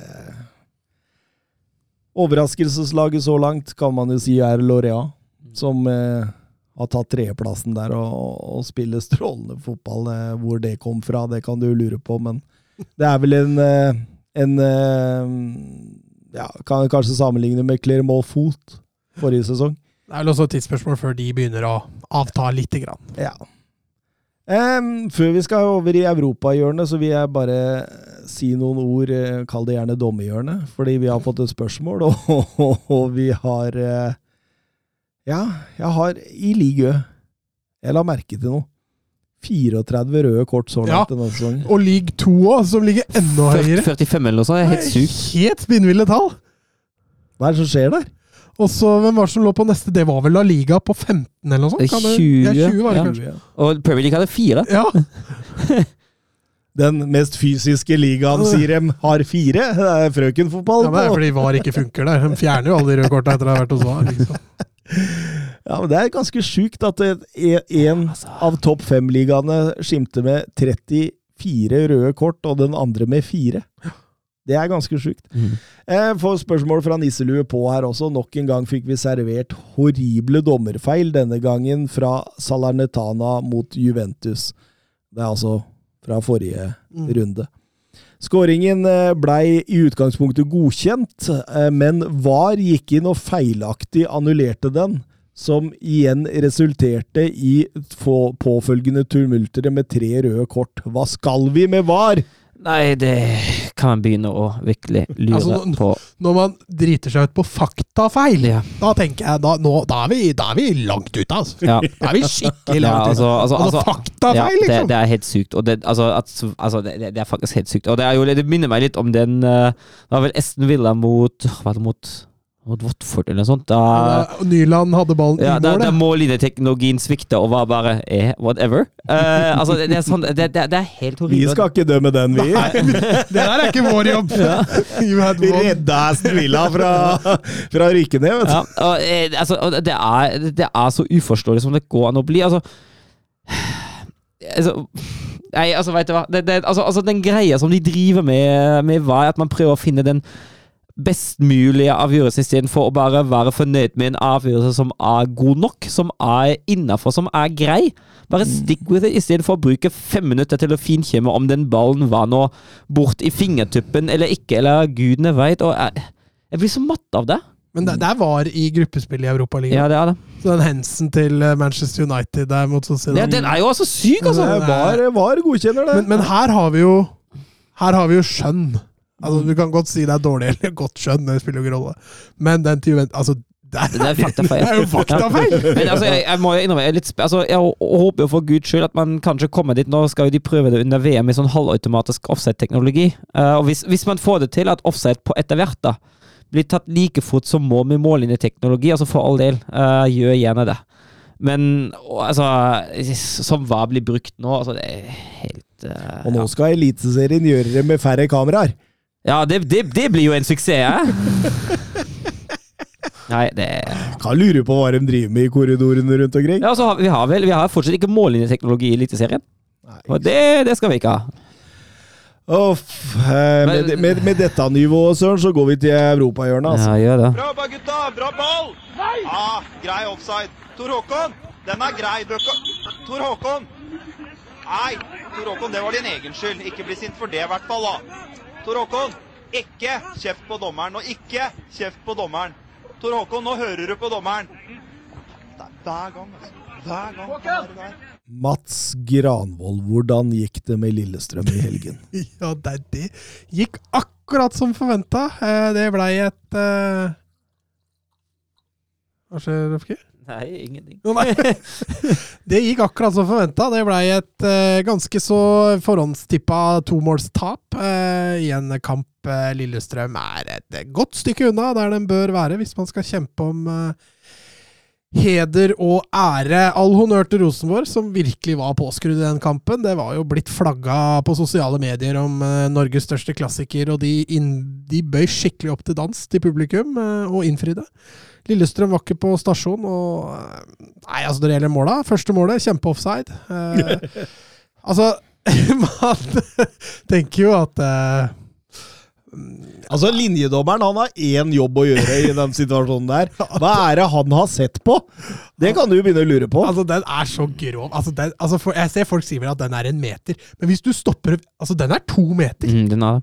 Den er to meter offside Ja, det er helt sykt. Helt sinnssykt. på en Nei, det skal ikke være mulig. Men uh, samme av det. Uh, vi vil ikke ha var for det, så vi, vi får Jo, bare med færre kameraer. Ja, vi får bare svelge den. Uh, men som Søren var inne på i stad, den 2-0-gålen forferdelig av, av Lars Ranger. Gjør en grov feilvurdering. Bør jo bare spille den enkelt tilbake igjen. Har egentlig vært svak. Ja, han har det. Ja, men han har blitt høvla i, i andre podcaster, så jeg tror vi, vi kan la han Vi, sparer den. vi kan la han få hvile. Eh, burde spilt den tilbake igjen, isteden drible, miste ball. Uh, og så får Ole Sæter uh, lov å skåre mål. og så kommer Lillestrøm ut i andre omgang og får en drømmestart med, med Lene Olsen. Det også er vel kanskje marginalt offside, Ja, men, men den er lettere å akseptere, for den er så marginal. Og så svarer bare Rosenborg med én gang. Nok en gang. Forferdelig spill på, på forsvarsspill på Lillestrøms høyre side. Ranger følger ikke løp. Garnås er, er for svak én mot én. Også. Innlegget, ingen plukker løp i boks, og så står det 3-1, og da, da, er vel egentlig kampen litt kjørt. Lillestrøm Ja. klarer ikke å produsere noe etter det. Rosenborg kontrollerer kampen. Eh, selv om de overlater mye av ballen til Lillestrøm, så, så Kommet helt opp i ryggen på Lillestrøm nå. Ja, Bodø-Glimt tapte jo, da. så Jeg de- spilte uavgjort. ja, de spilte uavgjort mot Haugesund. Så de ligger fortsatt på andreplass. Molde har vel nå Ti poeng eller sånt. Er det ikke mer? Jeg ikke. Jeg tror det er 13. Ja. Kan fort være der òg. 13 poengs luke ned til Lillestrøm på andre, så det seriegullet der er det jo egentlig bare å dele ut. Og så må jo da Lillestrøm, Rosenborg, Bodø-Glimt og Vålerenga konkurrere om de Neste blir jo veldig viktig. Ja, Lillestrøm har nå Bodø-Glimt hjemme, Viking borte og Molde hjemme på de tre neste. Mm.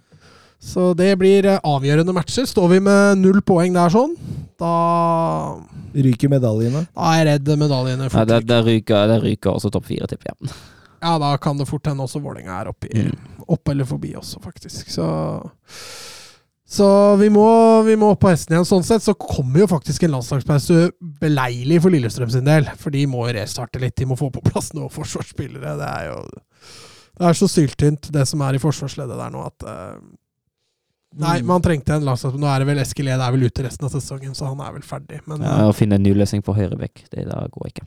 Ja så tenker jeg egentlig bare hva som helst. Ja, Kanskje til og med Mats Hedenstad Christiansen. Ja, altså, ja, kunne eh, spilt der. Så katastrofe er det. Det har vært, det har vært så Ja, nei. nei.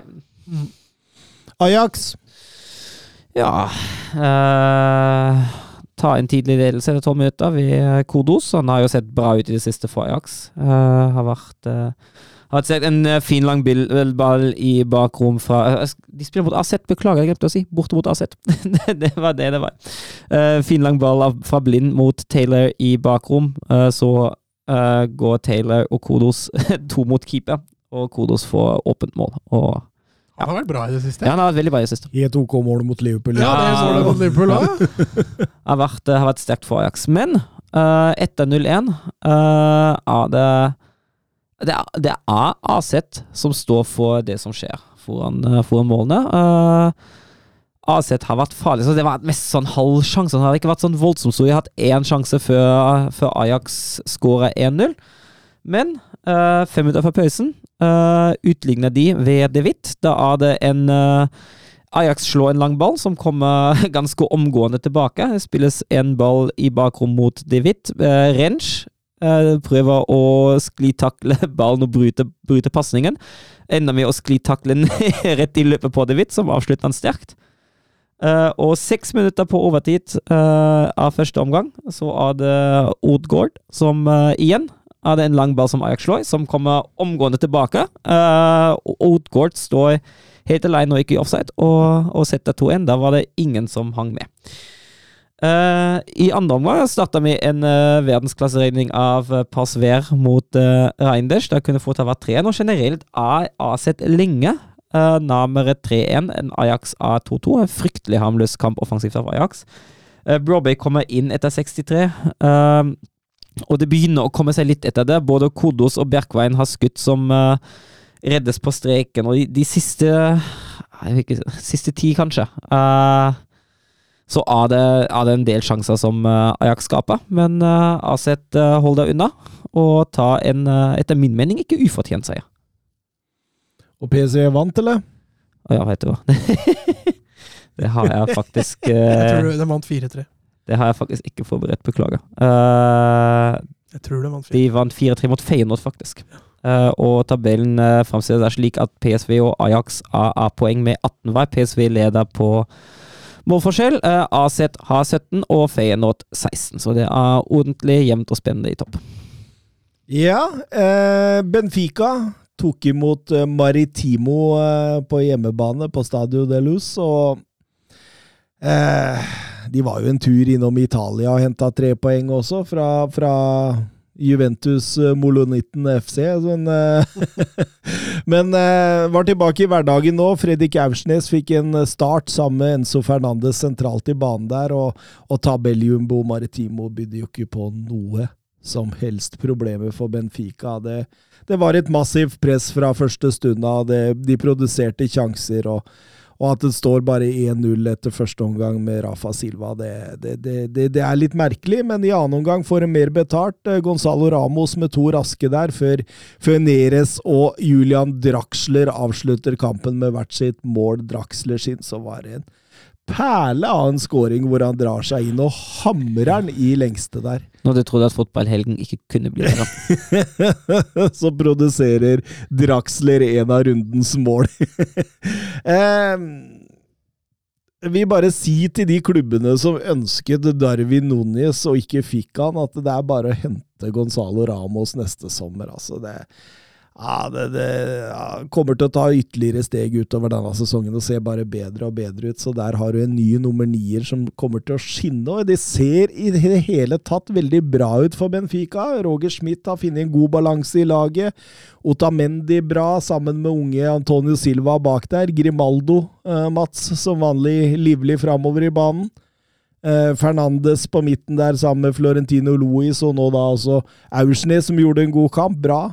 Eh, Rafa Silva, Neres kanter. Nei, det er veldig, veldig veldig godt lag. Draxler får også 25 minutter og kroner det, som sagt, med den skåringen, og, og, og var meget god i kampen. Så det rett og slett ser det glimrende ut for eh, Benfica, som leder tabellen med sju strake seire og 19-3 i målforskjell, så det er ganske eh, vilt eh, mye bedre enn både Porto og Sporting, som har slitt litt, begge to, da, nå i den siste tida. Mm, Porto fikk seg jo en kilevink også i Champions League mot, eh, mot Brygge, og ryker på 1-1 mot Estoril her.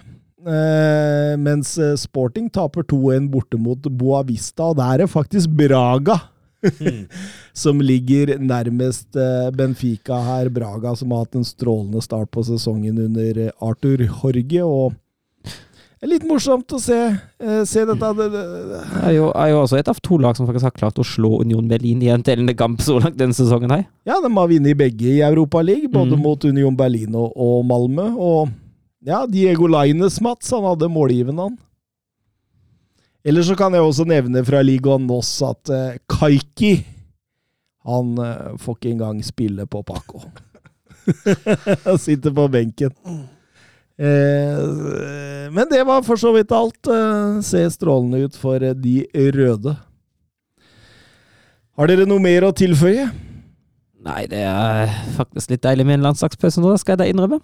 Mer å tilføye. Vi har holdt på i tre og en halv time. Holdt jeg på å si to og en halv time, i hvert fall. Å, faen. Nei, men da kan vi like godt bare avslutte da med å si eh, høres over landslagspausa, hvis vi ikke finner på et eller annet moro der. Ja. Ha det. Ha det.